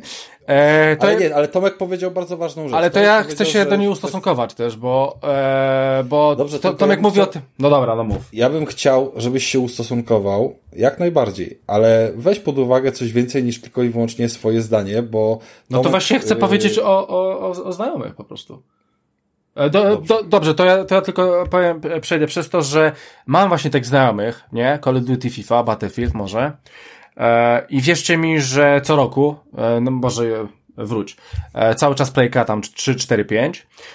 I wierzcie mi, że kolejna 6 pewnie będzie, to nie będzie przez pada. Na pewno to nie będzie przez pada to będzie właśnie przez znajomych, to będzie właśnie przez to, że tam są właśnie te gry i im więcej do szczęścia nie potrzeba. Oni potrzebują konsolę i dwie gry, i trzy, trzy, koniec. Myślę, że pad nie ma żadnego znaczenia, bo dałbym im Xboxowego pada, zamienił playkowego na Xboxa, wszyscy się rzucają na Xboxa, chyba, chyba kpicie. Nie ma w ogóle takiej opcji to nie ma żadnego znaczenia. E, znaczenie ma nasze przyzwyczajenie, to gdzie mamy znajomych, w co znajomi grają, na czym grają. I to, że my po prostu nie lubimy wychodzić ze strefy komfortu i dla nas każde nowe odkrywanie horyzontów jest złe. Pamiętam jak grałem kiedyś w Pro Evolution Soccer, bardzo dużo, spierdoliła się ta seria strasznie, zacząłem grać w FIFA i mówię do kumpla, graj w FIFA jest zajebista. Nie, nie, Pro Evo, Pro Evo. Grał jeszcze 2 czy 3 lata w te Pro Evo. W końcu poszedł na tą FIFA i powiedział, że ja pierdolę, czemu, do, czemu dopiero teraz mi mówisz? Nie, 3 lata ci mówiłem, żebyś grał w tą FIFA, FIFA, bo jest lepsza. I właśnie to jest nasza strefa komfortu. Nie lubimy nowych rzeczy. Jeżeli coś działa dobrze, jest zajebiście, to po co nam zmieniać? Szczególnie dla niewymagających graczy. Nie oszukujmy się, osoby, które grają w Call of Duty FIFA. FIFA to nie są wymagający gracze, bo ja czytam, że nowa FIFA 24 zmieniła nazwę. Jest taka sama jak 23, ale i tak zarobi na siebie półtora albo dwa miliarda dolarów w fucie i, i, i właśnie A nie ta, wiem, tak czy to bym jest. się nie zdziwił, bo brak nazwy FIFA może spowodować, że jej sprzedaż spadnie i nawet i o 30% i ludzie nie będą rozumieli o co chodzi, bo wtedy, wiesz, wskoczy miejsce na kogoś innego. Nawet taka głupia, tam gdzie jest ten, wiesz, casualizm, który przywołujesz i, i mhm. kwestia Call of Duty, Call of Duty, FIFA, FIFA, to głupia zmiana nazwy już będzie, wiesz... E, zgodzę się, że może tak być, z tym, że ta nazwa chyba jest reklamowana już 23, e, tak żeby wszyscy byli na nią przygotowani. E, I wiesz ile, e, czytałem, wiesz ile chcieli e, FIFA, tam federacja FIFA czy coś, wie, wiecie ile w ogóle chciała hajsu za to, żeby FIFA dalej się nazywała FIFA? Podobno mili miliard dolarów za serię. Co roku. Bo, a pewnie tylko i wyłącznie z dwóch względów. Bo wiedzieli, jaki mają hajs z tego, wiedzieli, jak FIFA dużo zarabia, ogromne pieniądze mają z futa, to jest jedna rzecz. A druga rzecz, że Federacja FIFA miała, e, chce stworzyć własną grę pod nazwą FIFA.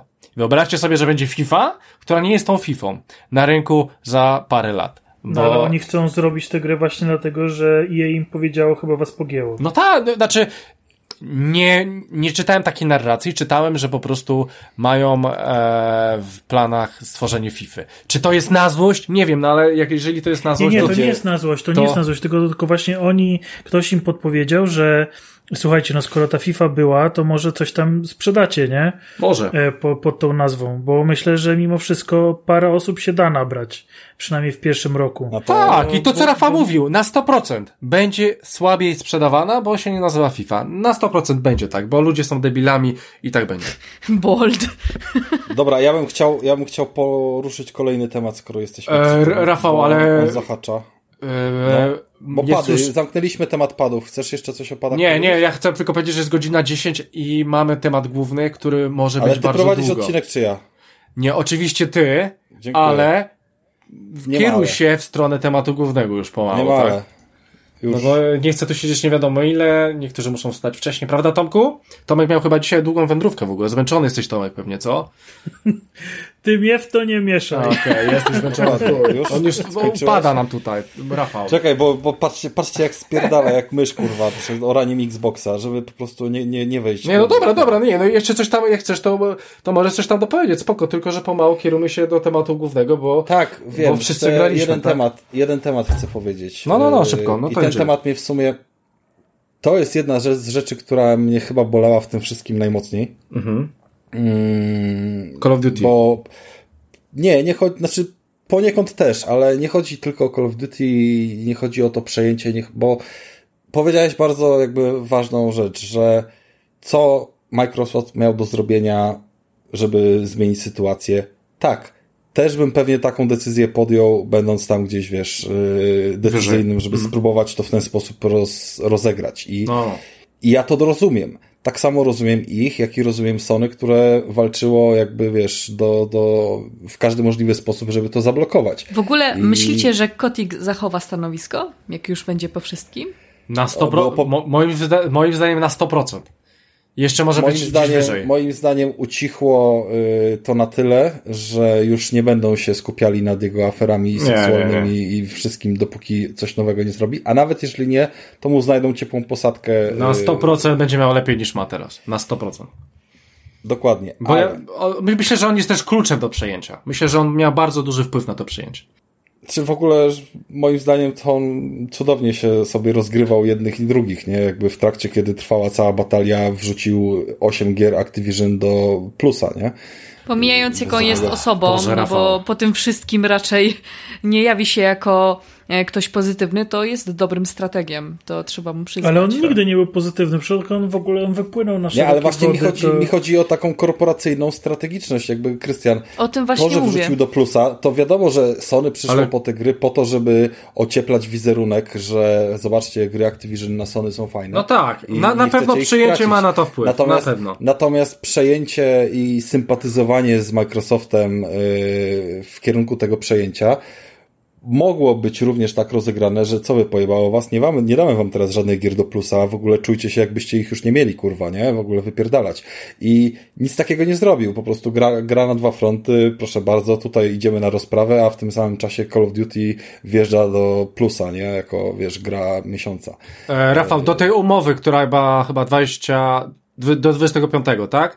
Masz umowę, że na Game Passie nie może być Call of Duty do 2025 e, i, w, i, i do tego czasu e, Sony będzie dostawało, może dostawać jakieś tam starsze części e, koda. No tak, tak. Ale po 25 koniec. E, Do żadnej usługi PlayStation nie wejdzie już kod na 100% i wszystko wjeżdża do Game Passa. Tak będzie to Tak, to się wyglądało. wszystko zgadza. Znaczy, ja rozumiem, tylko jakie, o- o ja, rozumiem, jakie są postanowienia umowy i okej, wynegocjowali, spoko. Mi chodzi tylko o kwestie, jakie były zagrywki w trakcie robione w odniesieniu do decyzyjności Kotika, nie? Że, że on kompletnie jakby hajs, hajs jest sympatią, a nie jakieś tam, wiesz, Hajs No, się musi zawsze. zgadzać, nie? hajs się Ale musi to jest zgadzać. jedyny, jedyny język, w którym on operuje. Moim zdaniem on nawet już No. zapomniał angielskiego. Bold. Ale E, fakt faktem propos- tak. No, e, Kotik e, tak jakby nie zauważam w nich, w nim jakichś ludzkich emocji, jedynie w czym jest, w czym rozumie to jest kasa. No i władza. I a propos kasy, to jeszcze jeden wątek właśnie chciałem poruszyć, bo, bo w sumie od tego, od tego chciałem zacząć. Yy, to, co mnie najbardziej irytowało w całym tym przejęciu, to były głosy społeczności, jakkolwiek by tego szeroko nie rozgrywać. Być może, znaczy w sumie one nie były tylko w Polsce. Jeszcze same polskie głosy bym zrozumiał, bo nie żyjemy w kraju najlepiej sytuowanym finansowo, jeżeli chodzi o zarobki i tak Chyba dalej. ty, I, chyba ty. e, chyba ty też, nie wiem, w sobie chcesz się mierzyć na ilość gier, które się kupiło za gotówkę, to śmiało. Natomiast... No, mówisz o kraju, tak? Powiedziałeś o kraju. No mówię o kraju, ale... Ale w którym mieszkamy. Nie chodzi Tak. mi per osoba, tylko, tylko jakby, wiesz, całościowo. Okej. Faktem jest, że bardzo dużo głosów i to jakby z różnych y, rynków były po prostu jakby skupione na tym, że tak, kibicujemy temu przejęciu, bo będziemy mieli te gry za darmo i nie będziemy musieli wydawać na nie pieniędzy i będzie taniej, bo wszystko w Game Passie jest za darmo i jest to takie super.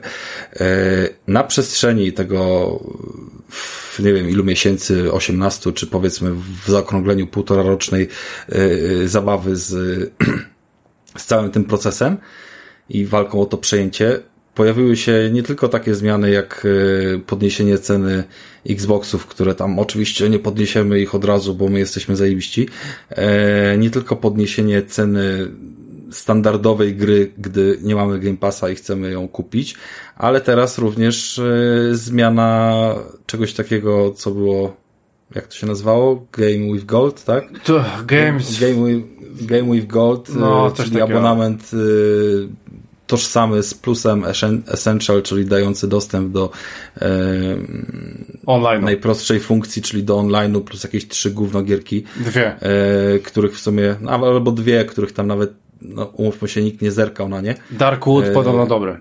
Jest teraz aktualnie. No i to ma być zaorane i to zaoranie ma być już zaraz za moment. I to zaoranie ma wyglądać dokładnie tak, jak rok temu zostało zablokowane przez wielki bunt użytkowników, tylko że wtedy to było po prostu zwykłe podniesienie ceny Golda do, nie wiem, tam 8 czy iluś dolarów, a teraz ta cena dalej jest podniesiona w taki sposób, że prawie równoważy Game Passa.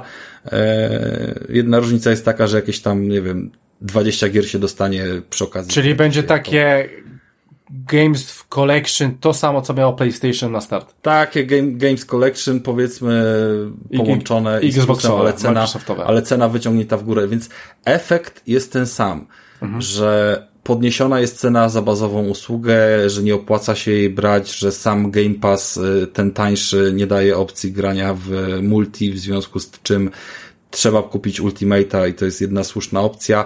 I przede wszystkim ucięcie tych y, no, do dzisiaj dobrze funkcjonujących, w sensie dobrze, czyli tanio, y, bez żadnego nawet używania tureckich kont czy czego tego typu rzeczy. Tureckie konta. Mm, Tran, Czy to chodzi Dobry o... kurs mają. Lira, lira. No tak, tak, wiem o co chodzi. Po prostu e, nigdy nie zacznie mnie, e, nigdy nie przestanie mnie zadziwiać pomysłowość graczy. I tak, pomysłowość, znaczy, no tak, cebulka zawsze mocna, ale nawet Najlepsza cena to tureckie- za darmo, halo. Nawet, nawet pomijając tureckie konta, to Ale to już chyba już nie przychodzi, nie? W sensie zrobili co, z Nie, tureckie- wiesz, nie. tureckie nie Obecnie przechodzą. Islandia. Obecnie coś tam jest jeszcze gdzieś, Islandia. ale, ale faktem jest, że zawsze kupno Game Passa to najprostsza była konwersja, tak? Czyli kupno Golda przez, nie wiem, tam na 6 czy 12 miesięcy i tego Golda wytransferowanie do Ultimate'a w jakimś tam bardzo dobrym stosunku cenowym i, i tego nigdy nie zmienili jakoś tak, żeby to zaorać całkowicie. Teraz jeżeli Golda nie będzie, tylko będzie po prostu ten core, e, plan najprostszy, który będzie w sumie kosztował, nie wiem, 8 dolarów miesięcznie, zwykły Game Pass 10, a Ultimate 12, to to straci sens, nie? I, i tego nie będzie, czyli krótko mówiąc, jakaś ilość abonamentów, której my nie znamy, ale Microsoft doskonale wie, ile leci bokiem, yy, będzie przymuszony do przejścia wyżej. I ja nie uważam, że to jest złe, czy że to jest problem, bo problemem to jest rozdawnictwo i jakby polityka w naszym kraju to najlepiej pokazuje. Yy, problemem będzie to, że ci ludzie, którzy tak bardzo mocno wierzyli, że wszystko dostaną za darmo, a dalej będą mieli abonamenty. Właśnie, zapomniałem o abonamentach za 4 zł jeszcze, które były, nie, po drodze, które też yy, się w tym kręciły. A, Więc- Teraz znowu są, nie? tak, ale to cały czas jest jakby kwestia, wiesz, walki o to, żeby jak najwięcej użytkowników przełączyć na ten tryb regularnych płatności rocznych i jak najbardziej Sony też daje promocję, nie? Ale no troszeczkę to jest inny wymiar moim zdaniem niż jakby zrobić coś taniej, a zrobić rozdawnictwo, żeby ludzi, wiesz, tak jak ja to zawsze przyrównywałem do dealera, wiesz, pod przedszkolem, który rozdaje cukierki z, z heroiną, nie? I jak uzależnisz typa, to potem on już przyjdzie i zapłaci pełną cenę. Eee, no to, to, to jakby okej, okay, rozumiem. Czekałem bardzo długo na pójście tych cen do jakby zrobienia z tym porządku, ale jestem w szoku, że, że ludzie się tego nie spodziewali i wierzyli cały czas, że jeszcze przez kolejne 10 lat będą mieli, wiesz, razem z kodem po transakcji za 70 milionów, milionów dalej po prostu wszystko za pół darmo i najlepiej na świecie, bo przecież Xbox jest tani przede wszystkim, nie? I kibicowanie takim ruchom z założeniem, że ktoś zapomni po drodze o zysku albo o odpracowaniu tych 70 miliardów, jest po prostu idiotyzmem. No i koniec. Mhm. E, ja, ja tylko jeszcze dodam, że jeszcze tak, taką konkluzję miałem, że słuchajcie, jeżeli chodzi o fanów Nintendo, to fani Nintendo rozmawiają o Nintendo. E, fani Xboxa rozmawiamy o Xboxie. A fani PlayStation rozmawiają o Xboxie. I takie mam spostrzeżenia. E, dobra, do głównego tematu, co? Bo jest czas jaki jest, a e, chcemy sobie pogadać, bo to być może będzie gra roku. Może dla wyjątkowo, niektórych. Wyjątkowo no, się duże z tobą szanse, zgodzę. Szanse. Tomek, Tomek wiem, że będzie naprężał wszelkie swoje muskuły i nie tylko, żeby odpowiednio też to przedstawić, bo żyłka już pulsowała na czole, jak gadaliśmy o finalu wczoraj. jak w anime troszeczkę, no nie jeszcze tylko taki ciemny obraz miał, przy czole miał i białe łezkę. oczy, nie? No to, po, to, po prostu, to po prostu e, ex-Tomek efekt. Ex. E, ale, ale ja bym bardzo chciał się dowiedzieć, e, co Gabi myśli. Śmiało, finala wam oddaję, bo ja chcę. Namówcie mnie, żebym mamo, kupił. O. Final. Jezu, jakie to jest dobre. Ja, jeżeli chodzi o serię Final Fantasy, bardzo długo się zbraniałam. Nie rozumiałam w ogóle fenomenu tej serii. A później, później jak już weszłam, to się zakochałam. Mówię tutaj o Finalu czwórce, Final Fantasy VII, Final Fantasy VII Remake, Final Fantasy VIII, no i Final Fantasy XVI, bo o 13 nie mówimy. Powiem wam, że już pomijając, że y, ludzie, którzy stoją za Final Fantasy XIV MMORPG, który jest przefantastycznym MMORPG i naprawdę zachęcam do gry, bo bardzo dbają o graczy i płaci się oczywiście ten abonament, ale to jest tego warte i te dodatki, ta fabuła. Więc wiedząc, że kto stoi, kto jest w tym teamie, od, który jest odpowiedzialny za Final e, Fantasy XVI i to, że muzykę robił Soken, to ja już wiedziałam, że się zakocham w tej grze. W dodatku jeszcze takie mroczne klimaty średniowieczne fantazy to już się po prostu rozpłynęłam, już zaczynając od dema, które mogłyby być spokojnie jednostrzałem w sesji RPG. Ojejku. E, sama walka. Ja nie przepadam za bardzo za systemem turowości, w sensie takich tur, że najpierw robi ta postać to, ta postać to w walce. Lubię dynamikę. No, powiedzmy, Devil May Cry ma świetny e, system walki, moim zdaniem. No jak zobaczyłam, że koleś, który pracował przy DMC Devil May Cry również robił e, przy Final Fantasy XVI, to już w ogóle się rozpłynęłam na tej podłodze. Walka jest piękna, jest dynamiczna, zmiany pomiędzy trybami różnych ikonów, bo nie chcę też lecieć za bardzo spoilerem, ale myślę, że to nie jest mhm. spoiler. Jest, Chyba nie. Jest nie, nie wydaje mi się. Fantastyczne, można robić takie kombosy. Jeszcze to jest, ta gra jest po prostu super ładna. Ja jako graficzka, e, ilustratorka po prostu miałam fiestę, ucztę estetyczną dla moich oczu. Powiem ci, że piękna grafika, świetnie, świetny w ogóle styl robienia tego wszystkiego. Wchodzi się, ta, im, ta imersja, po prostu człowiek to czuje, człowiek to cały czas wchodzi i nawet nie wie, kiedy te wszystkie godziny zlatują.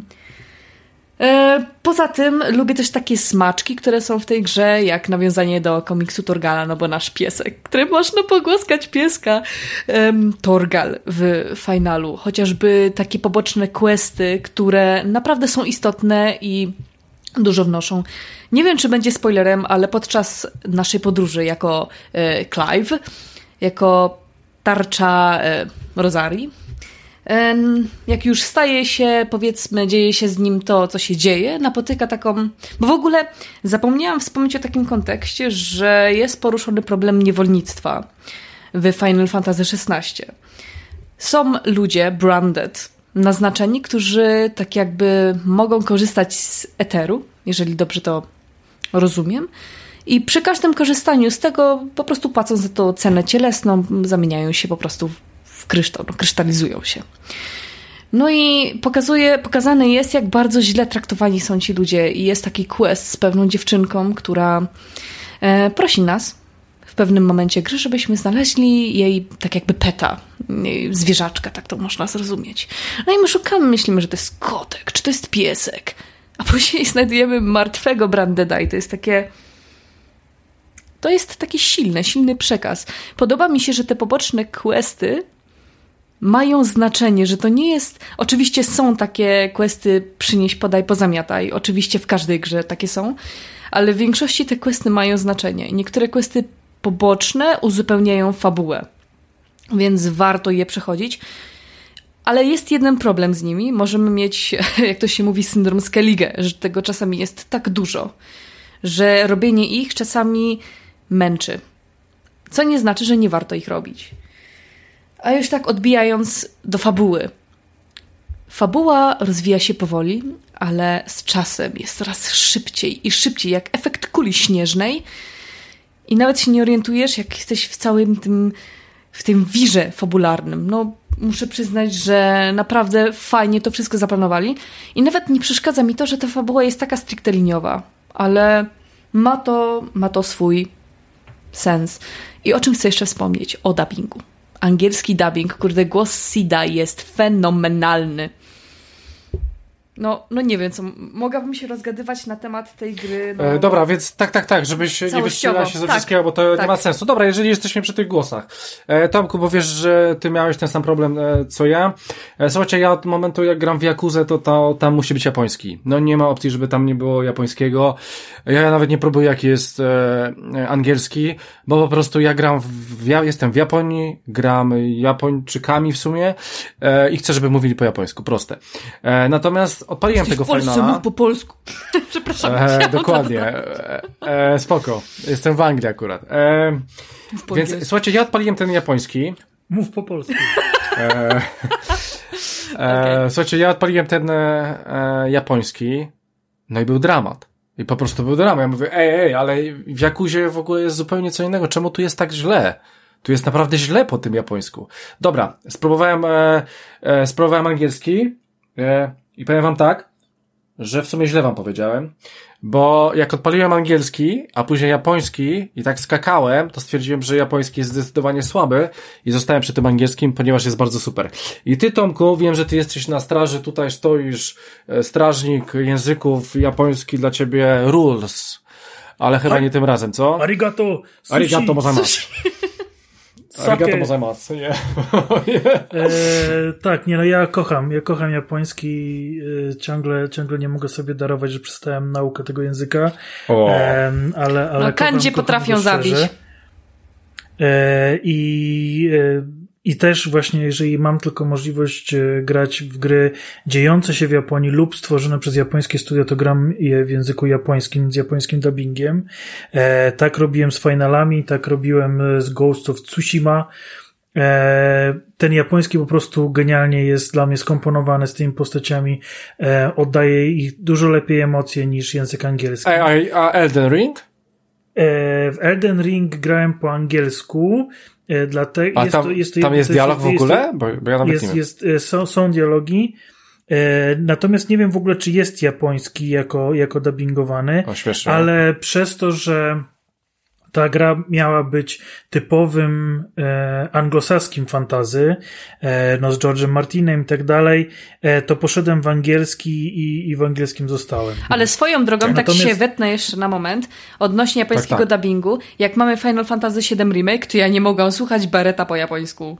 Musiałam ograć o, nie, to, to, ja nie, to po angielsku. Nie, nie, miałem, nie, miałem, nie miałem najmniejszego problemu z przyjemnością, z przyjemnością go słuchałem po japońsku. Natomiast e, przez to, że właśnie było to dla mnie oczywiste, że będę grał w tę grę po japońsku, nie wyobrażałem sobie inaczej. Ale wyszło demo e, Finala ja nie mogłem w nie zagrać, bo nie miałem czasu, ogrywałem inne tytuły, które wyszły, wyszły w, tym, w tym okresie. E, na szczęście Christian właśnie zwrócił na to uwagę i Tomek, słuchaj, ale ale to nie brzmi po japońsku. No i odpaliłem po japońsku, po, po, pograłem chwilę, żeby za chwilę okazało się, że przełączyłem na angielski i już do japońskiego nie wróciłem. Z jakiegoś, znaczy ja mam, ja mam takie coś, że ten język musi mi grać z postacią, dlatego ja nie lubię polskich dubbingów, nie lubię, nie, nie, nie bo y, te postacie nigdy mi nie są, nie, nie umiem sobie ich wyobrazić, że oni faktycznie to mówią. To jak mówisz o polskim Eee. dubbingu, jeszcze ci się wetnę na chwilę, to ja nie potrafiłam słuchać Wiedźmina Netflixowego po angielsku. Musiał wlecieć Żebrowski. Wow! To w ogóle było mocne, no. Czyli Więc w to- oryginale He- Henryka Cavilla w ogóle nie, Nie. dawaj Żebrowski. Tak. Tomek, to Wow, możesz, wow. proszę. To jest, wow, to jest, to jest kontrowersyjne. A to ja wam powiem, to już jest, jak jesteśmy przy Wiedźminie, to mam wrażenie, że Clive, główny bohater, ma głos Mm. Henry'ego K- K- Cavilla. Nie wiem czemu, ale takie mam wrażenie. Ma fajny że głos, tak mówi. No. No fajny ma, ale Fajny, właśnie, fajny ma. Właśnie, właśnie jak Henryk. Tak, tak, tak, tak, to ja wiem. No, No, no, dobra. ale Tomek, wracajmy do wątku.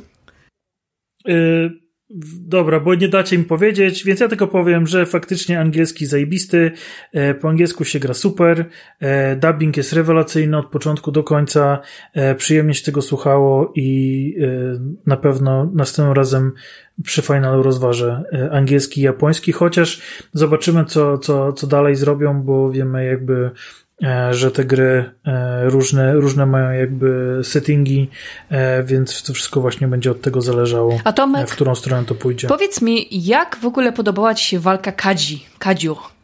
Wielkich ikonów, które się po prostu tłuką. E, Godzilla versus Mega Godzilla. To ja to Pierwsza tak walka- I Power pierwsza- Rangers, Power Rangers. To Pierwsza walka była absolutnie dla mnie e, rekreacji, znaczy tworzeniem sceny e, jakby fightu Gandalfa z Balrogiem, nie? Troszkę Nie miałem popatrzyłam na to z tej gdzieś strony. Tam, Fajne e, Gdzieś, spostrzeżenie. gdzieś jakiś taki miałem, miałem e, spojrzenie na to. Natomiast początkowo była bardzo słaba i w, w trakcie rozwoju jakby kampanii i tego wszystkiego, co się uczymy i też e, zdobywamy jakieś tam nowe e, umiejętności, to nabierała rumieńców e, i pod koniec miało to wszystko ręce i nogi. Natomiast pierwsza ta walka była dla mnie absolutnie wkurzająca e, i, i miałem, miałem jakby ochotę w ogóle rzucić padem i nie, nie przestać grać, bo e, wkurzyła mnie nie tyle mechanika, co jakby fabularna jej e, część. Chyba rozumiem, o co ci chodzi. Tak jakby nie mogłaś nic zrobić, bo i tak reszta była podyktowana przez fabułę. Dobrze cię rozumiem? Tak, tak, tak. I było to dla mnie kompletnie nielogiczne, niejasne i wkurzające.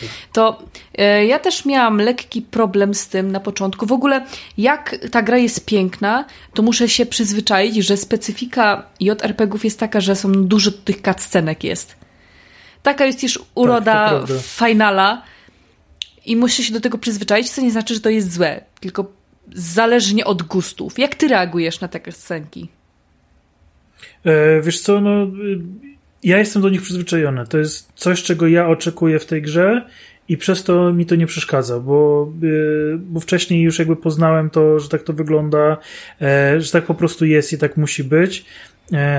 I to powoduje, że, że jakoś to wszystko, e, wszystko leci. Poza tym muszę przyznać, że były wyjątkowo udane te cutscenki. E, Czasami, czasami to, co się dzieje jakby, jakby w grach e, nie napawa e, chęcią do tego, żeby, żeby słuchać, co tam się dzieje. Natomiast tu bardzo mnie to ciekawiło. Nie wiem, Mam trochę do siebie pretensje, że, że w, w momencie, kiedy wszyscy zachwycali się grą o Tron, mi ona kompletnie nie podeszła. Ani książki Martina, ani serial jakoś zupełnie nie, nie, nie były dla mnie strawne. I żałuję, że nie mogłem tego przeżywać ze wszystkimi, bo właśnie tutaj mamy taką Final Fantasy yy, grę o tak. tron troszkę. Jest tutaj, są intrygi i fantastycznie są zarysowane te takie dylematy. Wilein jest Wileinem. To mi się podoba, że po prostu Wilein jest Wileinem.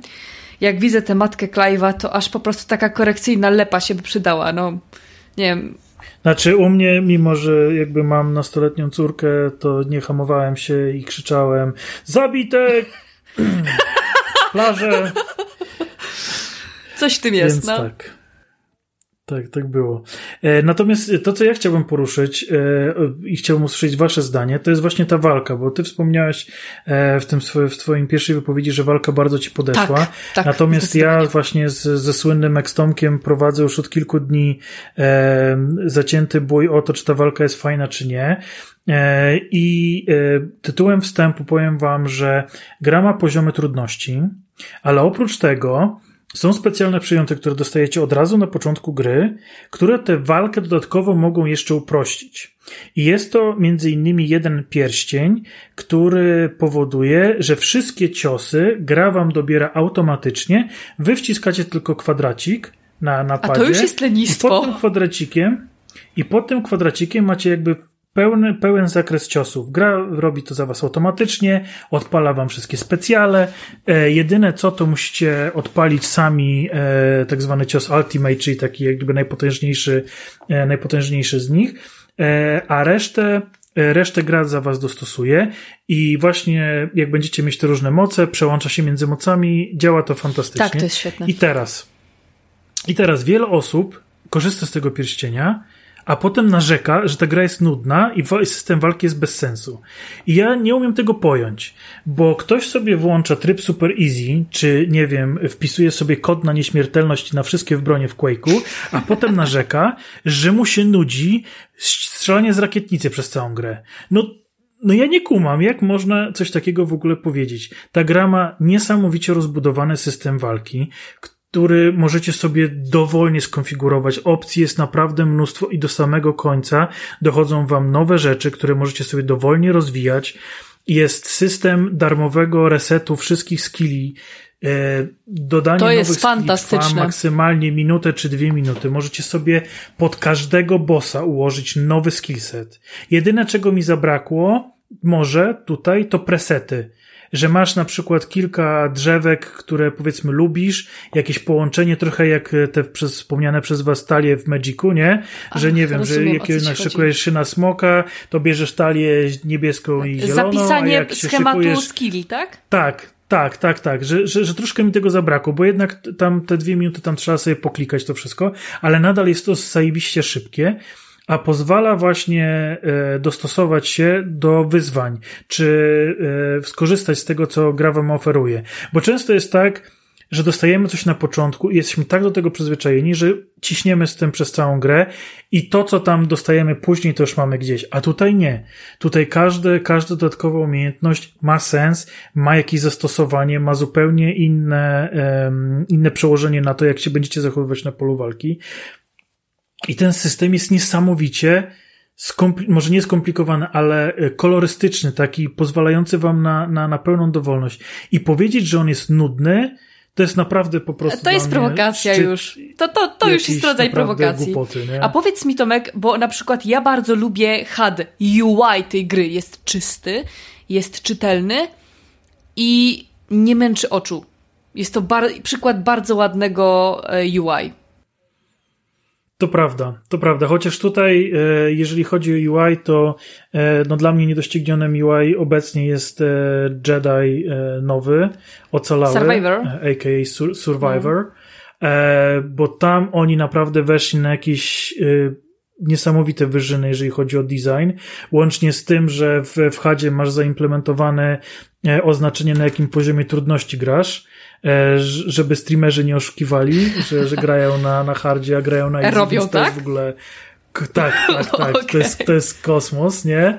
E, więc to jest kosmos, natomiast ten jest, ten jest bardzo ładny. W sumie w ogóle, dosłownie to jest tak kosmos. Jak, tak jak powiedziałaś, ta gra jest niesamowicie piękna. E, mieliśmy już trochę przedsmak tego właśnie w tych remasterach, ale tam jednak e, nie wiem, czy to wynikało z e, jakiejś takiej chęci odwzorowania tego, co, co, co było w oryginale, że postacie były piękne, ale tła już niekoniecznie. Jakby, jakby to, co się działo dookoła, było mocno średnie. Natomiast tutaj wszystko od początku do końca creme jest de la creme. przepiękne. Ja mam z tej gry chyba z tysiąc screenshotów, nie? I nie pamiętam, kiedy nastukałem tyle screenshotów. Nie mam bladego pojęcia, jak wybiorę 10 do tekstu pisanego, a i tak ludzie by chcieli, żebym wybrał dwa albo trzy. To jest, to jest, to jest w ogóle jakieś nieporozumienie. W ogóle chciałam jeszcze zahaczyć o taki wątek intymności w Final 16, bo wiadomo, że mamy tam sceny e, intymne, zbliżeń bohaterów i to nie jest ordynarne. E, jest... Znaczy, to jest też coś, co mnie troszkę frustrowało kiedy Clive jest niedomyślny, oprócz, kiedy masz normalną... Oprócz, oprócz matki jakby Clive'a, którą nienawidziłem szczerze i głośno, to drugą wypowiadaną bardzo częstą kwestią było, przy, było przeze mnie Oh, kiss her already. Tak, tak, dokładnie tak. Read the room, Clive, read the room. Tak ona się typowo, wiesz, zbliża, a on takie... Yy. Nie no, e, nie nadinterpretował, to też ok, ale no, that was so fucking obvious. Ale z drugiej strony podoba mi się to, bo yy, tak, jak, tak jakby na to spojrzeć z szerszej perspektywy, że ta gra nie jest, nie jest o tym, nie? nie. Że to jest e, wątek poboczny, yy, bo często, znaczy teraz trochę się od tego odchodzi, ale jeszcze z 10 lat temu yy, było to takie charakterystyczne, że ten główny bohater musi mieć ten wątek miłosny, że każdy film, każda gra musi mieć ten wątek miłosny i musi on być ważny dla wszystkiego. Tutaj to nie jest ważne. Jest to jeden z no. wątków. To jest jeden z wątków I to jest właśnie to, co e, to, co faktycznie e, jest tutaj głównym, główną tą daniem, to jest ta gra o tron. Ta polityka. I to mnie mocno zaskoczyło w Final Fantasy, bo politykowanie Final Fantasy ma we krwi. Ale to, co zrobili w 16, to jest dla mnie zupełnie nowy poziom ta mapa ruchu wojsk no. aktualizowana często. Rozmowy z historykiem. Zadanie poboczne. No co zadanie poboczne. Robicie jakieś zadanie poboczne i ona ma wpływ na ruch wojsk na mapie. Znaczy, oczywiście nie jest to Total War, tak? To nie jest tak, że my sterujemy, my tylko mamy swój e, wywiad, który nam donosi o tych ruchach, ale to wszystko możemy sobie na żywo podejrzeć, możemy porozmawiać, możemy się dowiedzieć więcej. To jest niesamowicie rozbudowana encyklopedia tego, co się dzieje, e, typów wojsk, rodzajów wojsk, opisy e, krain, opisy władców. To jest naprawdę, to jest encyklopedia. Ktoś tam spędził naprawdę godziny, setki godzin właściwie, na opisach rzeczy, którą prawdopodobnie mało ludzi E, doceni, bo tam nigdy nie dotrze, a szkoda, bo e, to jest coś, co właśnie ja często promuję w grach, może dlatego też Krystian określamy hipsterem tego podcastu, że ja uwielbiam e, opisy świata w grach, że to nie jest tylko gra, tylko są to całe, całe opisy. Czy ty przeczytałeś całą ścianę historii w Neverhoodzie? Należysz do tych ludzi, którzy przeczytali całą tę historię? Nie potwierdzam, nie zaprzeczam. Świetna gra swoją drogą, natomiast, na, natomiast, natomiast właśnie to jest to, co na przykład kupiło mnie w Forspoken przez tak wielu e, jakby tam ciśnięte, że, że, że ta kreacja świata i tu jest to samo. Ale troszkę mnie martwi, Krystian, że ty się nic nie odzywasz. No, takie walce, przyczajony Krystian, no ukryty warpet. Bo czekam, czekam, kiedy mam spuścić wodę i po prostu skończyć tą waszą sielankę tutaj, no bo chyba gramy w inne gry. E, dobra, jeżeli chodzi o te cutscenki, e, bo chciałem się odnieść, e, więc z tego co pamiętam ostatnio, cutscenki faktycznie są dosyć długie, to trochę przypomina mi Jakuzę, no i niestety miałem z nimi problem. E, nie mówię, że są źle zrobione, bo są dobrze zrobione. E, bardziej chodziło mi o taki schemat. Główny boss, cutscenka, przed głównym bossem cutscenka, dosyć długa, po bossie cutscenka, do miasta cutscenka, mogę zapis zrobić po pół godzinie, albo po jeszcze dłuższym czasie. I miałem z tym problem, bo wiedziałem, że idę na bossa, przez najbliższe pół godziny nie zrobię zapisu, no więc nie będę tego na chwilę odpalał. Więc dobra, fajna, niech na razie sobie idzie w odstawkę. I ogólnie nie, nie podobało mi się to, że nie mogłem zrobić zapisu, kiedy chciałem. Raz niestety wyłączyłem konsolę po zabiciu bossa. Nie zapisało. No i musi nie zapisało. Chciałem ją wziąć na wstrzymanie, ale po prostu pomyliłem się i miałem od nowa, więc to było niefajne. Jeżeli chodzi o tą walkę, mhm. to odniosę się do tej walki, której Tomek widzi nie wiadomo co. No nie, nie, nie, no tak nie ma. Powiem wam, że ja mam 20% gry jeszcze, tak? W tych, tym, co tam jest. Mam prawie już, mam prawie wszystko już odblokowane w tych walkach. I powiem wam, że jeżeli chodzi o samą walkę, to dla mnie ta walka jest prosta. Niestety jest prosta. Ja przez pół, pół gry, jeżeli zginąłem raz, to chyba przez przypadek, albo może chyba na jednym bosie raz A na jakim zginąłem. poziomie grałeś? Na tym najwyższym, na jakim mogę, nie mam żadnych pierścieni, w ogóle o tym pierścieniu, ja czytałem o tym pierścieniu, ale ja, ja nie wiedziałem że, żadnej różnicy w nim, więc w ogóle już dawno zmieniłem na inny. E, ale po prostu ta, ta gra jest stosunkowo łatwa. E, I naprawdę ona jest łatwa. Dlatego e, chcę się odnieść do tej walki. Odblokowujemy ogroma, o, o, znaczy może nie, nie jakiś ogrom, odblokujemy bardzo dużo rzeczy, jeżeli chodzi o te ataki. I moim osobistym zdaniem, w większości one są bezużyteczne, ponieważ jeżeli chodzi o, o mobki, no to mocne moje aptaki, które mam, bawię się w burze, lubię taki kompletny rozpierdziel z dużym damage'em. Mi to wystarczy do końca gry, ja widzę, że wystarczy mi to do końca gry. I powiem wam, że wszystko, co mi wchodzi, to dla mnie jest to bezużyteczne, bo albo to jest masowe, co mi nie jest potrzebne. Crowd control, zajebiste. E, e, tak, Okej, okay, ale jednak ja nie mam problemów z mobkami, ja mam problem z bossem. I w bossa chcę walić max ile się da, najlepiej pojedynczy atak ile się da. Więc ja szukam tylko i wyłącznie czegoś takiego, bo gra jest, gra jest w porządku, jeżeli chodzi o poziom trudności. No, no dla mnie osobiście e, Star Warsy były, były trudniejszą grą. Zdecydowanie no trudniejszą nie, no, ale grą. Star Warsy miały być typowo Dark Soulsami. Okej, okay, w porządku, ale wiesz, bo e, musicie brać jeszcze pod uwagę, że to jest moja pierwsza gra z Final Fantasy, ogólnie, szesnastka właśnie. I ja miałem takie wrażenie, że Final Fantasy to jest japoński RPG, w którym Pograj sobie w starsze bardzo... części. Gwarantuję Tak, ci. jest, ale tak, no właśnie, właśnie, ale takie mam wyobrażenie o finalu, że to jest gra nastawiona na walkę, bardzo taktyczną walkę, w której źle coś zro... E, w której błędy w walce Kosztują powodują życie, to, że tak. musisz zagrać ją od nowa. Słuchaj, to jest festiwal no tak, grindu, no, zwłaszcza pierwsze Doku... części. E, ale to już nawet pomijam green. Bardziej mi chodzi o to, że jednak ta walka z finalem zawsze mi się kojarzyła z taktyką i z tym, że trzeba ruchy e, przeanalizować, zanim się podejmie tak. e, jakąś tam kwestię. A tutaj dostaję szesnastkę, która po prostu, ta walka jest super. Ja się przy niej świetnie bawiłem, jest super efekciarska. Wszystkie te, no ogólnie, ogólnie fajnie, fa fajnie się ich rozpieprza, tak? Super ale no ten poziom trudności zawsze miałem, mia miałem w, w bani zakodowany final, że jest trudno. No nie, no tutaj final nie jest trudno, a nowe ciosy, nawet nie wiedziałem o tym resecie, to Zauważ ci powiem. coś takiego, że to jest dla no. bardziej otwarte na zachodni rynek. Casualowo, no. spoko. E, spoko, spoko. E, nawet nie wiedziałem o tym resecie, e, ale ja, ja nawet chyba nie, nie muszę z, z, tego korzystać, tak na dobrą sprawę, bo przyzwyczaiłem się do swoich ciosów, podobają mi się te ciosy.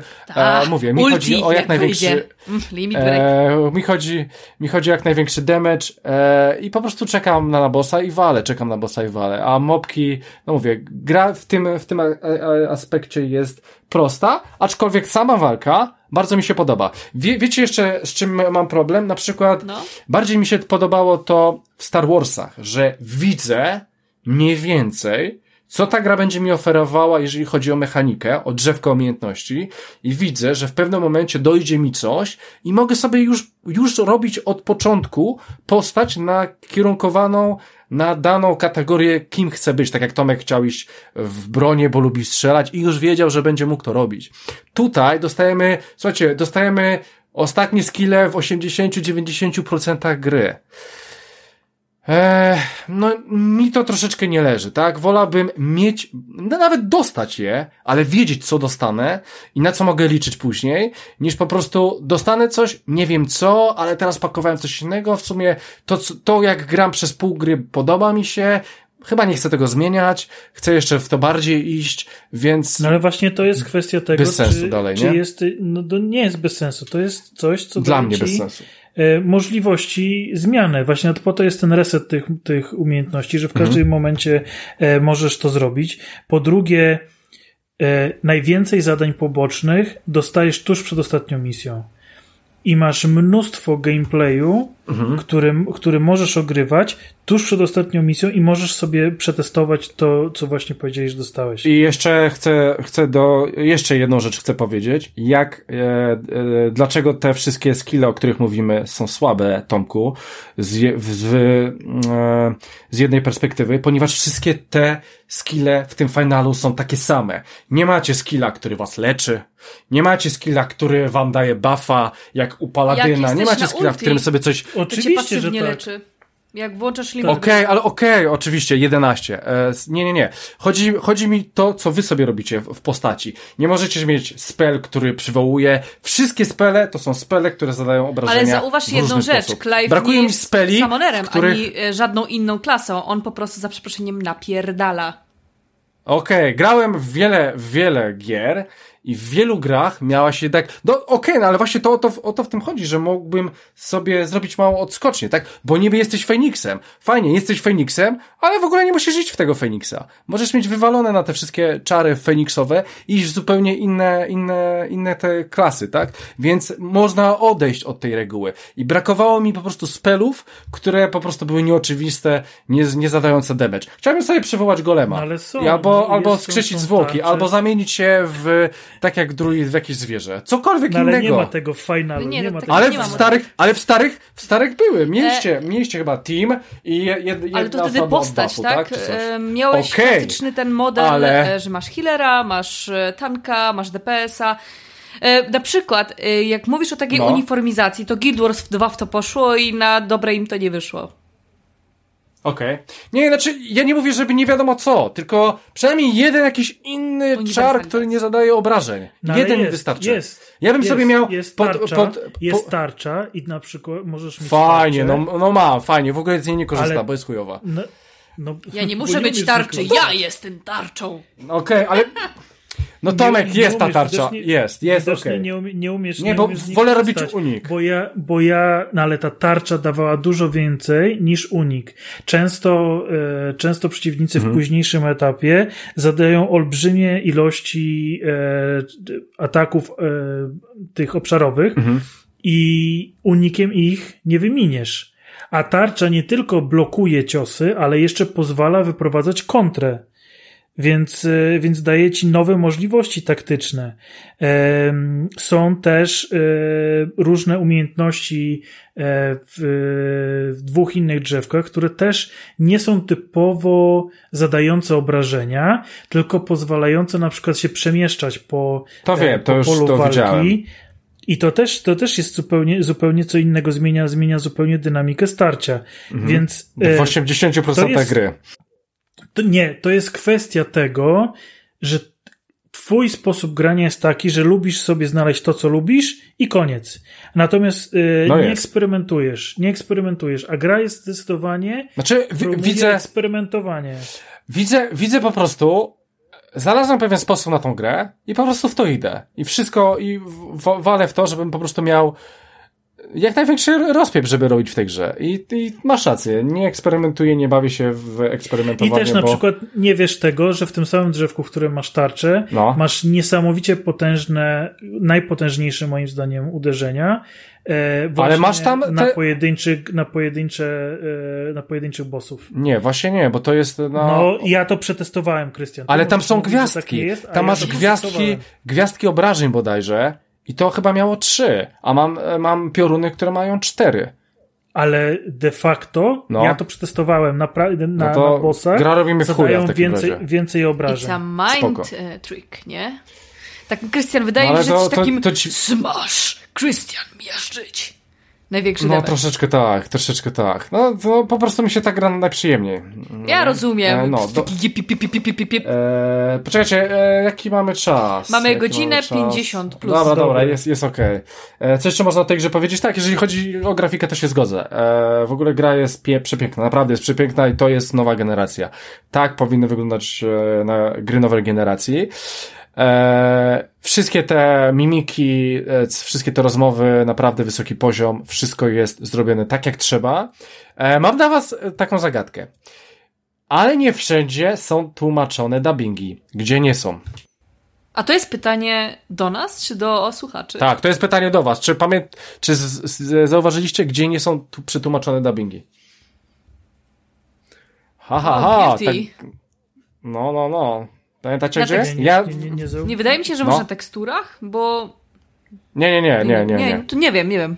nie no, na teksturach tam nie było za bardzo napisów. Nie, nie, nie, nie. nie. E, Nie Jest strzelam. dialog, pro, prowadzi, się- pro, prowadzi się dialog, ale nie jest on e, mówiony, że tak powiem.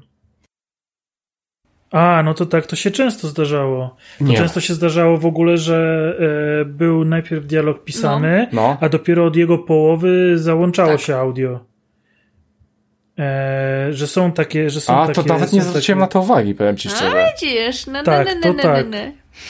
A, okej, okej. Jest dobrze. Tak, jest tak, dobrze. więc, Ja bym więc, jeszcze e, z- więc są faktycznie takie momenty, nie wszystkie, nie wszystkie dialogi są e, udźwiękowione. E, faktycznie zwróciłem na to uwagę, że, że, coś tu, że coś tu jest nie halo, bo e, zwłaszcza w tych momentach, kiedy pół dialogu było udźwiękowione, a pół nie, ale w, mówiąc szczerze, przy tej ilości dialogów, jaka jest w tej grze, troszkę to mi zeszło na. E, Nie, nie, w To porządku, jest to duża, takie- wydaje mi się, inspiracja z czternastki, bo w czternastce również jest multum dialogów, czasami aż za przeproszeniem do pożygu. Co zmienia faktu, że to jest fajne MMORPG. Jest. Ja w ogóle miałem, ja mam w ogóle 14 kupioną na PlayStation 4 i nawet grałem miesiąc. Też mam. Też grałem, ale grałem dużo krócej. E, jeszcze, jeszcze je, jeżeli chodzi o, tych, o te starcia z tymi bossami, e, oczywiście dla mnie, jak już się zamieniacie w te stworki i Godzilla o Power Rangers, kurde, spoko. nice, to jest, to jest świetne. E, nie, nie, nie przeszkadza mi to, dlatego bardzo fajnie było, jak później. No dobra, nieważne. E, ale o co chcę chodzić? E, taki dysonans lekki miałem. Wiecie, jeszcze miałem taki dysonans, że patrzę się na tego bossa. Boże, jaki on ogromny. Jaki on wielki, ale mi wpieprzy. No i, i w ogóle rozwaliłem go i to tak nawet bez problemu. I to taki miałem, kurczę, no taki wielkie bydne, no tak ciężko miało być i w sumie nie było. E, Ale dla mnie to jest właśnie, ja tutaj e, im dłużej grałem, tym miałem takie większe poczucie, że oni się inspirowali różnymi rzeczami. I często te starcia były właśnie w stylu e, Dark Souls. Mhm. Nie jeżeli chodzi właśnie o poziom trudności, tylko o poziom samego starcia, Możliwe, no. gdzie no. po prostu bijemy tych bossów po kostkach, nie? Mhm. No tak. E, I, I to jest, to jest coś, co, co, co w Dark Soulsach jest bardzo częste i tutaj również, również się pojawiało. Natomiast mi to nie przeszkadzało. Ja jakby e, rozumiałem, e, co tu się dzieje, dlaczego tak jest, dlaczego my wygrywamy te starcia, więc, więc gdzieś tam, gdzieś tam mi to mniej przeszkadzało, bo, bo tutaj te postacie faktycznie były duże, ale ich chyba moc nie była powiązana do końca z ich wielkością. Tak. bym to- E, ej, mam, e, mam, taką, mam, mam taką wiadomość z ostatniej chwili. Ale to, to powiem wam później. E, e, chciałbym, żebyście zwrócili też uwagę na detale właśnie. Na, nawet mówiliście coś. Ja na przykład ogromne wrażenie na mnie zrobiła linka, która porusza się, kiedy jedziecie windą do góry. Zwróćcie uwagę, jak zachowuje się ta linka. No normalnie jak, jak Dbałość żywa. W sensie, że ona tak, ona tak ciekawie wibruje, kiedy winda idzie do góry. Tak naturalnie, tak super naturalnie. To nie jest normalne chodzenie z wału do wału, powiedzmy z cylindra na, na cylindę dookoła, tylko po prostu ona fajnie trzęsie i tak widać, że jest ten opór i ten nacisk. I to jest taki głupi element, ale zrobił na mnie ogromne wrażenie, jeżeli chodzi właśnie o Diabeł grafikę. tkwi w szczegółach. No, a żebyś wiedziała, akurat e, tutaj tak. No i właśnie taką, taką szczegół, szczegół też e, ta gra niestety ma swoje, no moim zdaniem takie problemy, takie archaiczne problemy, w której, w której takiemu tytułowi nie przystoi. I mnie niektóre e, elementy wyprowadzały po prostu z tym, że ta gra chce być klasą światową. W sumie jest, ale chce być wybitną. Bo jeżeli robię jakiegoś questa, tak? Robię jakiegoś questa. I mam na przykład przynieść jakieś, nie wiem, jakieś gówno. Powiedzmy w grze, e, ja sobie to zapisałem. Było, że miałem przynieść czosnek. Muszę iść do jakiegoś typa, on ma czosnek, muszę kupić ten czosnek. Pewnie robiliście to misję, bo to była główna misja. Ja ogólnie pobieżnych misji po pięciu godzinach nie robiłem, bo, bo nie mam na to czasu po prostu, tak? E, no. I słuchajcie, i, idę po ten czosnek. Widzę, wiem, który koleżka będzie sprzedawał ten czosnek. I słuchajcie, wchodzę do jego ekwipunku. Ma 40 różnych potionów i czosnek. No kurwa mać, no naprawdę, no naprawdę, no, no, no to, to jest takie dla mnie infantylne po prostu, nie? Że no, równie dobrze mógłby sprzedawać same miecze i ma czosnek. No, ja wiem, że to chodzi o, o misję i tak dalej, ale no ludzie, nie, mnie coś takiego, co? Naprawdę, no dobrze, że nie miał pietruszki, na przykład, no nie wiem, no. Eee, myślałem, że, znaczy, bolą mnie takie rzeczy, bo to są już takie tytuły naprawdę dopracowane, robi mnóstwo osób, a, a robią takie prymitywne, proste jeszcze rzeczy, które mają 20 lat, no. No.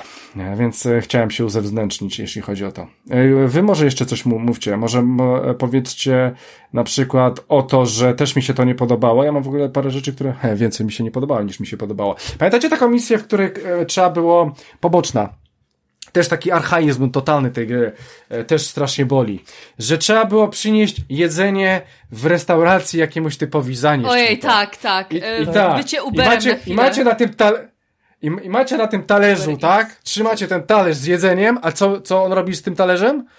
Chowa go sobie do kieszeni czy gdzieś tam. No kurde, no naprawdę. Ale to tak jest, no na no, przykład oni to uprościli ale, też ze no nie wiem. mi się wydaje, mechanicznych, no bo jeżeli on ma coś przynieść, to po prostu ma tą klasyczną animację, że on po prostu schyla się coś wyjmuje z kieszeni, coś podaje.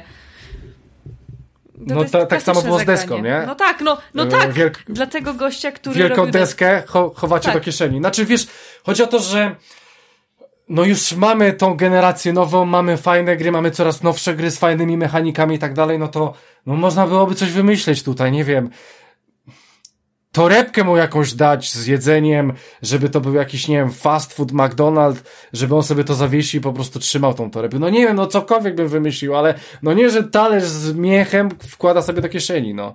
No, no, no Zamiast no, pysze to, to fantastyczne, to, to tak kropka, nie wiem, JRPG. Na, na przykład. E, no dobra, bo wam się wpieprzyłem, fajnie sobie gadaliście, nie, dyskutowaliście. Spoko, no dobrze, nie, nie, to faktycznie, no, jasne, no jakby to nie jest, y, może to nie jest gra idealna. E, to jeszcze mamy Ale jest i tak mocna, pomimo Też. swoich wad. Ale tak, jest to na pewno tytuł, który na bardzo długo y, przyciąga przed ekran y, i mimo wszystko dla mnie przynajmniej te plusy przeważają no. minusy. Okej. Okay. E, to jeszcze powiem o jednym archaizmie, też nie wiem, czy zwróciliście uwagę. Na przykład idziecie do kogoś po misję, tak? No to on wam mówi, musicie zrobić to, to, to i to i to. Jeżeli klikniecie jeszcze raz po tą misję tego samego typa, to on nie powie do was, co zrobiliście już czy jeszcze nie, tylko Powtarza. powtórzy wszystko, co, no właśnie. I to też jest słabe, bo nawet w głupim falaucie starym to się nie powtarza, to idzie, to, to on kontynuuje. Dobra, masz coś dla mnie, czy nie ma? Chyba nawet, nawet w głupim Skyrimie nie wiem, czy takich rzeczy nie ma. A tutaj po prostu powtarza to. Ja rozumiem, że można, że to jest też dobre, bo na przykład nie wiesz do końca, czy coś, więc powtarzasz, ale od tego są logi, od tego są dzienniki, żeby sprawdzać takie rzeczy, e, jak się nie wie. Więc to też moim zdaniem archaizm, że on będzie w kółko mi powtarzał to samo, jak będę na niego A klikał, czy myślę, że to co było takie na początku. zagranie nie? bezpieczne że to było po prostu bezpieczne mm, podejście i jeżeli to się sprawdzi, nie mogą mu zrobić mhm. kolejną mhm. część, mogą coś takiego zastosować, ale wydaje mi się, że przy te, to była taka próba po prostu bezpieczna. No dobra. E, dobra, słuchajcie, więc e, ja jeszcze tak powiem, e, chyba taką na, najważniejszą rzecz, tak? Dla mnie, bo ja z tym tytułem bawiłem się super tak jak mówiłem, zostało mi około 20%, więc jeżeli chodzi o Adama, patrona, od którego mam ten tytuł, to Adam jeszcze poczeka, ale Adam mi pisał, że on może poczekać, więc poczekasz. E, ta, tak, tak niestety jest. E, bo ja go kończę, ja sobie go skończę. Słuchajcie, e, pierwsze 5, 10, 15, 20 godzin, o kurwa, jakie to jest dobre. Ja pieprzę, jaka ta gra jest dobra. Ma świetną fabułę, właśnie gra Tron, super porównanie. Miałem to samo. Grafika, rewelacja, walka, walka naprawdę jest super. Walka naprawdę jest fajna przez te pierwsze 20 godzin. E, powiedzmy sobie szczerze. E, I tak sobie pomyślałem, czy ta gra zasługuje na dychę? Czy ja mógłbym dać finalowi dychę? I tak sobie rozkminiam i tak sobie szukam jakichś elementów, szukam sobie pewnych minusów, że no, no czy ta gra naprawdę zasługuje na tą dziesiątkę, bo tak dla mnie to dziesiątka to jest naprawdę coś grubego. I tak sobie analizuję te tytuły, co ostatnio wyszły, takie dziesiątkowe. Na przykład Elden Ring, e, na przykład Rafał dał Cyberpunkowi dziesiątkę, e, Wiedźmin, no wszędzie dziesiątki, tak? Czy nawet chociażby ostatnio, co Tomek mówił, e, Star Wars, tak? Survivor. Survivor. Tomek dał dziesiątkę. I tak sobie stwierdziłem, no dobra, no faktycznie to mogą być tytuły nastawione na dziesiątkę. No i właśnie te tytuły pokazują mi, niestety, że no nie mogę dać Finalowi dziesiątki, bo te tytuły, które wymieniłem, nie wiem czy zwróciliście uwagę, ale mają coś, właśnie te cztery gry dziesiątkowe, mają coś, czego nie ma Final. Mają coś, czego Final póki co nie ma i być może nigdy nie będzie miał. Otóż Final Fantasy jest niedostępne na Xboxa. A wszystkie te cztery tytuły są dostępne na Xboxa. W związku z tym dostępność, Musiał. Musiał. dostępność wybitnej gry, dostępność genialnej, wybitnie dziesiątkowej gry musi być też na Xboxie. No nie wyobrażam sobie, żeby dziesiątkowa gra nie, nie była, nie miała na Xboxie. I możecie się ze mną nie zgodzić, że oczywiście, że nie, że coś tam, bleble, co ty pierdolisz, Krystian, ale naprawdę znam osobę, znam osoby i to naprawdę z, z takich ważnych redakcji, bym nawet powiedział, które dają minusa grze, która nie ma polskiego języka. Można dać? No, dla mnie jest to kontrowersyjna sprawa, a dla was może być kontrowersyjna ta, że nie ma tego na Xboxie. Dla mnie jest No. kontrowersyjne to, że co zrobili z Wiedźminem w Netflixie. A jeszcze nie obejrzałem nowego sezonu. A, że zmienili go, czy? E, ja, mogliby go po prostu przestać produkować. Aha, okej. Szczególnie, że teraz mają słabą e, oglądalność, tak. Ej, ale ja wcale nie E, powiem tylko tyle. Ja- Uff. Ja bawię się przy nim świetnie. Nie dokończyłem. E, dobra, więc e, słuchajcie, bo nie, nie, nie, oczywiście ja sobie żartowałem z No. tym Xboxem, ale słuchajcie, e, dziesiątki, czemu nie dam temu tytułowi, to e, nie dam ze względu, że dla mnie osobiście tam za mało jest tego RPG w tym RPG-u. Ja już pomijam, że fabuła jest liniowa i nie ma żadnych zakończeń, dlatego pytałem się was, czy Wiedźmin miał więcej niż jedno zakończenie. E, więc stwierdziliście mi, że, że Ach, miało. O to chodziło. E, tak, więc e, w nawiązaniu do takiej wybitnej gry, tak, w- która ma po prostu wszystko i coś po, po, powyżej. Słuchajcie, No dla nie, mnie, ale zobacz, ale z drugiej strony Jedi ym, ma jedno zakończenie. ale to jest tak? dziesiątka dla, dla ciebie akurat. Ja nie dałem dziesiątki, więc, ale doskonale rozumiem twoją dziesiątkę. E, ale nie, nie, nie rób takich porównań, bo to porównanie było tylko i wyłącznie do konsoli, więc do niczego więcej, Tomek. E, słuchajcie, dla mnie jest tam jeden element, który bardzo mi się nie podoba, więc brak RPG w RPG-u i bardzo mi się nie podobało to, jak zostało potraktowane przedmioty w tej grze. E, słuchajcie, w tej grze zbieramy bardzo dużo śmieci. Te śmieci są po prostu niepotrzebne, ponieważ przyjdzie pewien moment, w którym idziecie do sklepu, jeżeli nie macie jednego składnika, którego dostajecie w, w trakcie robienia fabuły, to wtedy możecie kupić sobie najlepsze rzeczy w tym sklepie, które są zawsze dwie albo trzy i tylko pojawiają się tam, kiedy będziecie mieli kolejny najwyższy jakiś tam przedmiot, pomimo tego, że zbieracie od groma śmieci, które są kompletnie niepotrzebne, bo jak będziecie mieli ten kieł czy coś tam w sztuce jeden, to będziecie mogli stworzyć, dodając resztę swoich śmieci, coś, co i tak jest w liczbie sztuk jeden w sklepie e, i wtedy, wtedy sobie robicie z tym, nie wiem, macie najlepszy mieczyk i tak dalej. I mnie to tak Mieczyk. irytowało, mnie to tak wkurwiało. Słuchajcie, zbieram tych śmieci, ja, ja nawet już nie, nie czytałem, co ja zbierałem. Już nawet nie chciałem mi się wchodzić do ekwipunku po amulety, które wszystkie były takie same, czy te pierścienie, to wszystko było takie same. E, wychodzi nowy, które daje ci 10% do następnego. Ja, ja wiem, jakie będę miał za, za 5-10 godzin nowe pierścienie.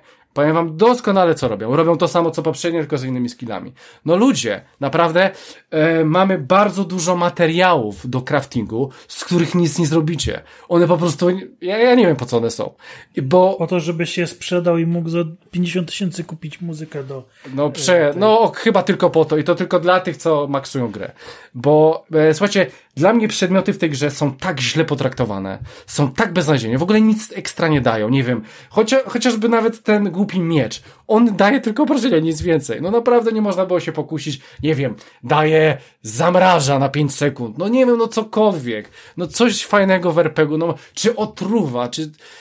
No po prostu jest. I dlatego tak sobie pomyślałem, że dziesiątka gra na 10 powinna po prostu mnie wyjebać tym wszystkim i po prostu powinien być spełniony pod względem RPGowym przede wszystkim. Ja gram w RPGa, action RPGa, bardziej już teraz, ale no, no tu mam największe, tu mam największe zażalenie do tej gry, że pomimo jej zajebistości, bo to jest dalej, to jest zajebista gra, naprawdę zajebista jest ten final, to po prostu no brak mi tego, no tego czegoś, co chyba Wiedźmin nawet robi to zdecydowanie lepiej, tak? Już pomijam ten crafting Wiedźminie, który jest pojebany, ale ogólnie zbieranie tych śmieci było fajniejsze. No i widzisz, to jest pole do takiego feedbacku i myślę, że um, właśnie to jest fajne, jak znajduje się takie minor rzeczy w grach i na przykład daje się taki feedback, na przykład jak pójdzie jakiś fix czy aktualizacja, to ta gra już naprawdę zasługuje na tę dziesiątkę po naprawie tego wszystkiego.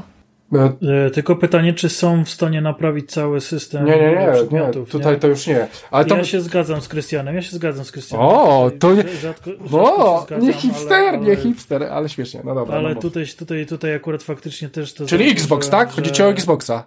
Czy tak, że, że nie ma... Znaczy, szczerze, to okej, okay, to się zgadzam, nie? Że, że tak śmiechem, żartem, ale faktycznie e, uważam, że, że gry powinny być mimo wszystko na, na różnych platformach i, i faktycznie jeżeli gra jest wybitna, to każdy powinien mógł w nią, móc w nią zagrać. E, natomiast jest nie, jakby nie, nie, nie jest dla mnie przyczyn, przyczynkiem dodania minusa. Zgadzam się z tym, że przedmioty są faktycznie źle potraktowane w tej grze i są dodatkiem do gry, który został najgorzej zaplanowany ze wszystkich jakie, rzeczy, jakie zostały dodane. Naprawdę zostało poświęcone, tak jak wspomniałem, poświęcone mnóstwo czasu na, na historię, na te ruchy wojsk i tak dalej, a te przedmioty są mocno, mocno słabe. I jest też coś, co znowu przy, przy, przywołam Ekstomka tutaj, e, który, co, co on powiedział, że, że gość chodzi ciągle w tym samym ubraniu ja to rozumiem fabularnie, ma to dla mnie sens, ale jest to trochę dziwne e, w RPG-u, e, bo jednak w tym RPG-u lubimy wyglądać tak jak, e, tak jak my chcemy, żebyśmy wyglądali, a nie tak jak gra od nas tego oczekuje. Dla mnie ta gra nie zasługuje na dziesiątkę z troszkę z innego powodu. Mhm. I może być to powód zupełnie dla was dziwny, ale mm, na to zwróciła mi trochę uwagę moja córka, która e, przygotowała o, się. musimy ją zaprosić do podcastu. Może będzie miała ciekawe spostrzeżenia. E, I ona, e, oglądając którąś z, z, z, walk w pierwszej ćwiartce gry, powiedziała: Tomek, ale ty już kończysz? I ja tak mówię: Nie, nie, dopiero zaczynam. I ona tak co jakiś czas przychodziła, ale, ale to, już jest, to już jest na pewno finałowa walka, nie? Ja mówię: Nie, jestem w połowie. Ale, ale, ale ta walka to już, to już koniec. Nie, nie, jeszcze za 30% mi zostało. Moim zdaniem ta gra jest za epicka i ta epickość zaczyna się nużyć. Przy tych kilkudziesięciu godzinach, które z tą grą spędziłem, 47, 48, prawie 50 chyba mhm. godzin, które spędziłem, e, ona jest za epicka za długo. Że wiecie, są jakieś takie wydarzenia właśnie we wspomnianym, takie we wspomnianym Władcy Pierścieni, że nic się nie dzieje, oni jedzą te lębasy, albo sobie tam chodzą, lębasy. albo się zastanawiają, czy, czy, czy kruki lecą, czy nie lecą, czy coś tam, czy iść górą, czy dołem i tak dalej. Potem jest jakieś walnięcie, i potem znowu jest jakieś takie wyciszenie. A tu nie, tu jest po prostu, nawet, nawet jak, jak się robi jakieś tam te zadania poboczne, to nie ma się poczucia takiego odpoczynku, tylko cały czas jest ta epickość, nie? Cały czas jakby ruchy wojsk kontynentalnych, wielkie starcia, bossowie, boss za bossem, tam, tam, to, tak jak nie wiem, w innych grach są takie killurumy, gdzie wchodzicie i mordujecie tysiące zwykłych przeciwników, to tu są killurumy, ale z bossami. I to w pewnym momencie zaczyna sprawiać, że te starcia są e, zwykłe że one przestają być epickie, bo tak długo operujecie w tej zajebistości, że nie robi, że zaczynacie być trochę jakby e, nie zwracać uwagi na to, co się dzieje, że, że możecie być bardziej epiccy albo nie, bo nie, bo już jesteście tak wymaksowani e, w tym, w tym, w tym wszystkim, że, że, to, że to jakby zmienia waszą perspektywę i to jest dla mnie duży, duży, duży ból, że ja kończąc tę grę nie czułem się wyjątkowy już. E, nie wiem, Gabi, chcesz coś do tego do, do powiedzieć, bo ja chcę coś Wiesz do tego co? powiedzieć. Coś w tym jest. Jest bardzo utrzymany taki poważny ton w całej rozgrywce. Jest to taki nastrój smutno, epicko. mm, przeznaczeniowy, bo podążamy też za przeznaczeniem e, Clive'a e, i tego, co się ma wydarzyć. I rzeczywiście, jak teraz Tomek o tym wspomniał, to mm, brakuje takiego małego stopniowania, żeby czuć było, że coś naprawdę shit get serious. Bo rzeczywiście wszystko jest fajnie, pięknie. I jak teraz właśnie o tym mówicie, to rzeczywiście da się odczuć, że po iluś tam godzinach walki, e, takiej epickiej walki z Eikonami, z innymi przeciwnikami, staje się to rzeczywiście troszkę zwyczajne. E, to ja jeszcze dodam, że też, niestety, ale Tomek ma tutaj rację, muszę mu przyznać rację. E, słuchajcie, no, no jeżeli, ja myślę, że e, nawet bym się pokusił, że jeżeli ta gra skończyłaby się 15 godzin wcześniej, myślę, że wyszłoby jej na lepsze niż na gorsze. E, bo faktycznie ta epicko, bo tak jak, słuchajcie, dochodzicie do jakiegoś tam super ekstra hiperbossa w połowie gry, a to jest dopiero połowa gry. I już was nic nie zaskoczy. Już, już widzicie, w ogóle widać taki pewien schemat w tej grze. On się będzie cały czas pojawiał. Idziecie do miasta, przepitujecie, pom pomagacie w jakichś tam miastach, później idziecie na wracacie do swojego miasta, idziecie na misję, boss i w kółko. I od nowa. I zapętlamy. Non stop to samo. Więc, e, mhm. e, no, więc e, można było zrobić e, to troszeczkę lepiej. E, no. E, czekajcie, bo jeszcze ja chciałem o czymś powiedzieć w tej grze. E, aha, chciałem tylko powiedzieć o tych poleceniach dla tego psa. Ja nie wiem, czy w ogóle z tego korzystaliście, bo jak ja na początku gry skorzystałem z tego parę razy i patrzę, w ogóle nie wiem, czy zwróciliście uwagę, ale leczenie nie było pokazane. Dopiero aktualizacja weszła, która dodała liczby, w które pies was leczy. E, bo ja miałem wrażenie, że ja używam leczenia na psie, żeby mnie leczył i on mnie nie leczy, bo patrzę, że moje poszone ok, a on w ogóle nic. On leczył 11, super mało. Eee, więc w ogóle olałem i jeżeli miałem z czegoś korzystać, bo tam jest menu potion albo, albo pies, to w ogóle z tego psa nie korzystałem, bo skomplikowałem sobie później sprawę z przełączaniem.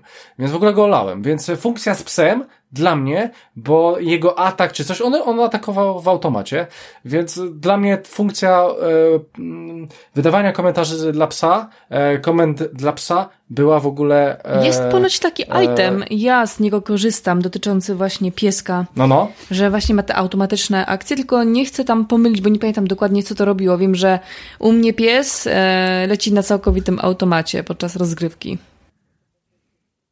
Znaczy on leci e, na automacie w zależności od tego, e, jaką mu wybierzecie cechę. Jedną z trzech jest e, atak, zemsta i właśnie leczenie. Mhm. Natomiast ten pierścień, o którym mówi Gabi, faktycznie on tak działa jak samo jak, znaczy tak samo, podobnie jak ten pierścień do ataków. I tam on daje właśnie to, że ten pies będzie wykonywał różne te akcje automatycznie, nie tylko jedną, E, ale, ale, właśnie, ale właśnie raz będzie leczył, raz będzie atakował. E, ja przyznam się szczerze, że e, olałem w ogóle jakby... Torgala, jak mogłeś olać i, Torgala? I, i, ja tak samo, ja, ja, ja siku zrobiłem. I, I wszystkich tych pomocników, dlatego że oni zadawali tak śmieszne obrażenia, że traktowałem ich wyłącznie jako żywe tarcze. Ale powiem ci, Ty że... mówisz tarcze, że, że, że, że że, że ustawiałem się jakby za nimi, żeby oni przyjmowali e, na przykład falę e, e, przeciwnika, przez co mi to pozwalało wyprowadzić. O, tutaj atak. romantyczna, bo, wiesz, rozmowy tak, z Shivą, kompletnie, kompletnie, kompletnie byli nieprzydatni e, i, i również psa olałem. E, ja w ogóle e, chcę powiedzieć, e, dodać, że two, wasi kompanii nie mogą zginąć w żaden sposób, więc oni są nieśmiertelni to raz. A dwa, e, chciałem tylko dodać, że moim zdaniem właśnie ten damage nie był zły, tylko że on był rzadki. W sensie, że oni mieli bardzo wolne te ataki, ale jak były, to tak nawet schodziło te jedna trzecia nie, paska przeciwników. Nie, nie, nie, ale to, to nawet nie chodzi mi o to. E, bardziej mi chodzi też o to, że właśnie też do tego, co mówiłem, tak? Jeżeli, jeżeli jest ta wasza Jill, tak? I ona ma jakieś tam buffowe rzeczy, to czemu wam nie daje tego buffa? Taka z automatu po prostu, nie, nie wiem, 10% e, czy 15% do obrażeń, albo do defensa, albo przynajmniej was leczy. Tu tym powinna się zająć, to by było ciekawsze, niż e, wszyscy zadają obrażenia, przedmioty na obrażenia, e, czary na obrażenia, w ogóle wszystko obrażenia, a, a pomijamy inne warstwy, które w magii się znajdują. E, no, to to chciałem powiedzieć. E, no. Więc e, ta, miałem takie właśnie spostrzeżenie, jeżeli chodzi o naszego pieska Torgala. W ogóle tak e, off-top wychodzi polska planszówka Torgal. Właśnie nie wiem, czy wiesz, Gabi. E, Musiało mi umknąć. Będę ogrywał, bo o, już proszę.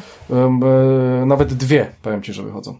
Bo od, z planszówkami jest tak, że jeżeli wpada licencja, na przykład na Torgala teraz wpadła, to ona jest ważna ry- rok, dwa, trzy i po tym czasie już nie można nic wydawać Torgala, w sensie oni zamykają się na licencję Mhm. i trzeba czekać, aż znowu się otworzą. Tak jest w wielu tytułach. Tak samo było na przykład w Elder Scroll, którego sobie kupiłem. E, To tak off-topem. sprawdzam. E, Dobra, słuchajcie, e, będziemy chyba podsumowywać e, finala, więc e, właśnie chciałem się, Tomek, ciebie właśnie spytać, czy tutaj będzie dycha? Czyli, Nie będzie, nie, już że czyli nie. no, no tak, czyli, ale, ale to też jest e, dosyć ciekawe, bo e, powiem wam, że po prostu dla mnie Final naprawdę jest super.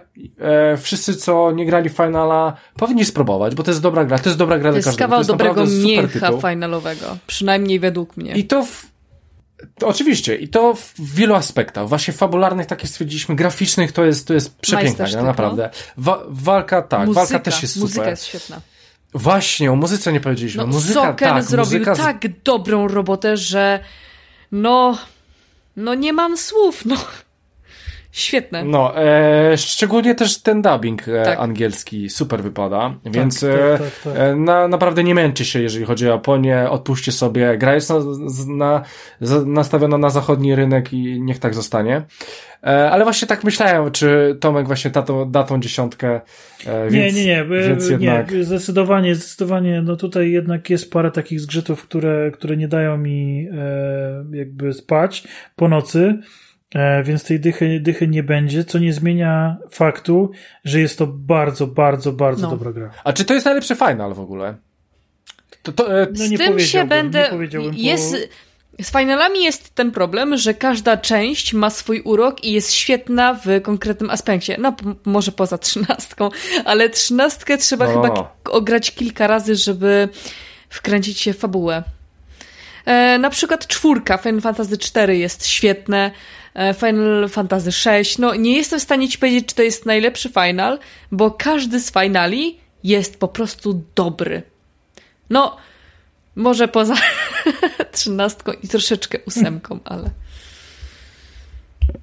e, Top? Nie, ale nie, nie, nie, nie, dla mnie to nie jest najlepszy final. Dla mnie nadal e, Siódemka. najlepszym finalem pozostaje siódemka. No. I Ale bardzo, oryginał bardzo czy czekam remake? Na oryginał, aczkolwiek właśnie chciałem powiedzieć, że bardzo czekam na, dalej na remake, bo też się niesamowicie wkręciłem. E, I to, co zrobili do tej pory, y, dają, jakby spowodowało, że ja jakby kupuję finale teraz w ciemno.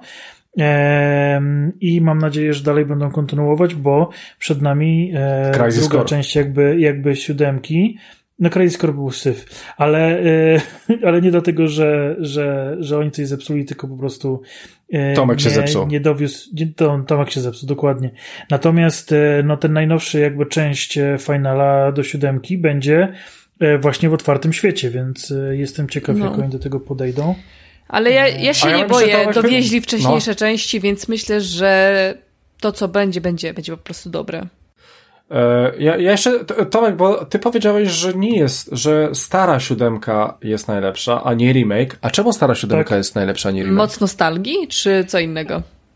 Yy, znaczy, tak, no, no bardziej chodzi o to, że była pierwsza, nie? Że jednak, yy, że jednak remake jest fa fajnie zrobiony, e, bardzo fajnie zrobiony e, i, i ja się rozkochałem w finalach od początku prawie, że, ale jednak e, właśnie ta, ta, ta nostalgia do tego, że e, jak się ogrywało tą siódemkę w oryginale, jakie wtedy towarzyszyły temu emocje, no to jest dla mnie niezapomniane. Hmm.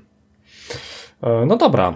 E, czyli... Ale śmiało, jeszcze dodam tylko, że śmiało, jeżeli ktoś nie grał w finale i zacznie swoją przygodę od siódemki remake, absolutnie jest to bardzo dobry wybór i No. go for it. Też, też bardzo dobra, po prostu kawał cholernie dobrej gry.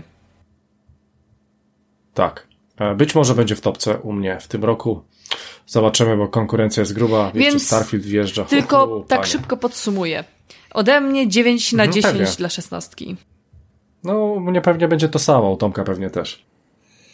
No ja, ja tutaj 9,5 chcę wystawić w ocenie. Albo 9, albo To jest- 10, nie ma takich pół. Pół to, to, to wiesz, pół to, Nie, pół, w- pół to wypijemy u, jak u mnie przyjedziesz. jest, u mnie jest, u mnie jest. Okej, Ja, oszukuję ja, strasznie. sobie, ja sobie pozwalam. Okej, no dobra. A w E, ogóle, co dziewięć, do Starfielda, to e, ciekawy ruch e, e, ludzi od Baldura Trójki, że oni bodajże e, zmienili datę premiery, żeby się nie e, sklaszować. Kanibalizował No, tak, ze Starfieldem. Tak, tak, tak. Ale konsole zostały, w sensie, że kons- na konsolę Konsole wyjdzie- opóźnili. Konsole opóźnili, w sensie na. Konsole opóźnili o tydzień, a y, ten PC-ta przyspieszyli o miesiąc. Aj, Tak. E, tak, ale tak, e, masz rację, boją się troszeczkę Starfielda i wcale się nie dziwię, bo wydaje mi się, że nie, no Starfield będzie większą grą niż Baldur mimo wszystko. Oczy, znaczy bardziej popularną. Nie, nie, nie, będzie też większą. Wydaje mi się, że gra sama w sobie będzie większa. Mam wrażenie, że więcej ludzi pracowało nad Starfieldem i większą ilość czasu niż nad Baldurem. E, Okej. Tylko, że są to zupełnie różne gry. Oczywiście, że tak, Tutaj oczywiście, nie, że nie tak. Można, nie można tego przełożyć jeden do jeden, e, wiesz, wielkość zespołu, a wielkość gry. E, Mm, ale ma to też No, jeżeli, No. jeżeli, jeżeli faktycznie jest tak, jak mówi Larian, no to Baldur to jest też kilkaset godzin, nie? Ej, no tak, ale poczekaj, no i poczekaj, nie zapominajmy bo o scenie z niedźwiedziem. Ale, ale, ale słuchaj, z tego co się orientuję, to Baldur Gate, Baldur's Gate 3 będzie dział się na jednej planecie, a Starfield na tysiącach planet, więc yy, Ale to, to masz jest, już wiesz, skalę. To masz już skalę. nie, to ja, nie, ja w ogóle, nie, ale nie, ma co z tym nie dyskutować. Tomek, nie ma co z Ale tym nie zgadzam dyskutować. się. Oczywiście, że jest co z tym Weto. dyskutować. Okej. I jako hipster tego podcastu będę dyskutował. Aha, czyli jedna planeta to dla ciebie więcej niż tysiąc. No super, no to, to już jesteś chyba hipsterem triple, nie wiem, triple hipster. Triple hipster. E, Triple Spoko, dobra. E, wiemy, Baldur's Gate będzie super. E, też bym pograł, ale, ale po prostu na PC cię nie gra. E, dobra. To kończmy to, co? Final super, wszystkim polecamy Finale, naprawdę bardzo dobry, bardzo Dobra dobry kod, no. bardzo dobra gra. E, Rafała budzę, Rafale, czy przekonaliśmy Jestem cię do zakupu? czas. ale i tak nie kupi, a pogra dopiero za rok, jak wyjdzie w PlayStation Plus, o ile wyjdzie. E, może, może wyjść. Że Nie, wcześniej, myślę, czy... myślę, że nie. Myślę, że kupię i, i to nawet kupię sobie siódemkę. No, full package. Ja jeszcze, ja jeszcze dodam, że opcja ekskluzywna, jeżeli chodzi o PlayStation 5, trwa do 31 grudnia tego roku, więc 1 stycznia być może, albo na początku roku przyszłego, gra prawdopodobnie na PC ta będzie, a na Xboxa nie wiem, bo może Ryan zapłaci ekstra, żeby jeszcze nie było dłużej, aczkolwiek Nie no, z ekskluzywność tego co kończy. powiedzieli, to na Xboxa nie będzie. Natomiast e, No okej, to kompletnie nie jest gra, która mnie interesuje na PC-ty. Tam raczej skupiam się, żeby ograniczyć się na strzelanki Okej. i jakieś... I Stardew Valley. Ja to tylko mówię, że ekskluzywność jest na no. pół roku wykupiona, a co dalej to zobaczymy. O, Switch raczej nie dostanie, nie, nie, nie ma opcji. Nie, no nie, to... A to, a to wyszło na starą generację, tak jeszcze? Z ciekawości? Nie, nie, nie, nie, A, nie, nie. tylko, tylko na, no, na, No to okej, no to dobrze zrobili. Dobra. Dobra, 5. e, Rafał, do brzegu. Co do brzegu, no słuchajcie, ja wam mogę podać cyferkę na koniec, żeby nikt nie był zaskoczony, że właśnie się skończył 200, 241 odcinek podcastu Bezimienny. E, Był z nami standardowo Krystian Kender E, byłem, dziękuję, pozdrawiam. oraz oczywiście Tomasz Wasiewicz. Cześć, fajnie było pogadać.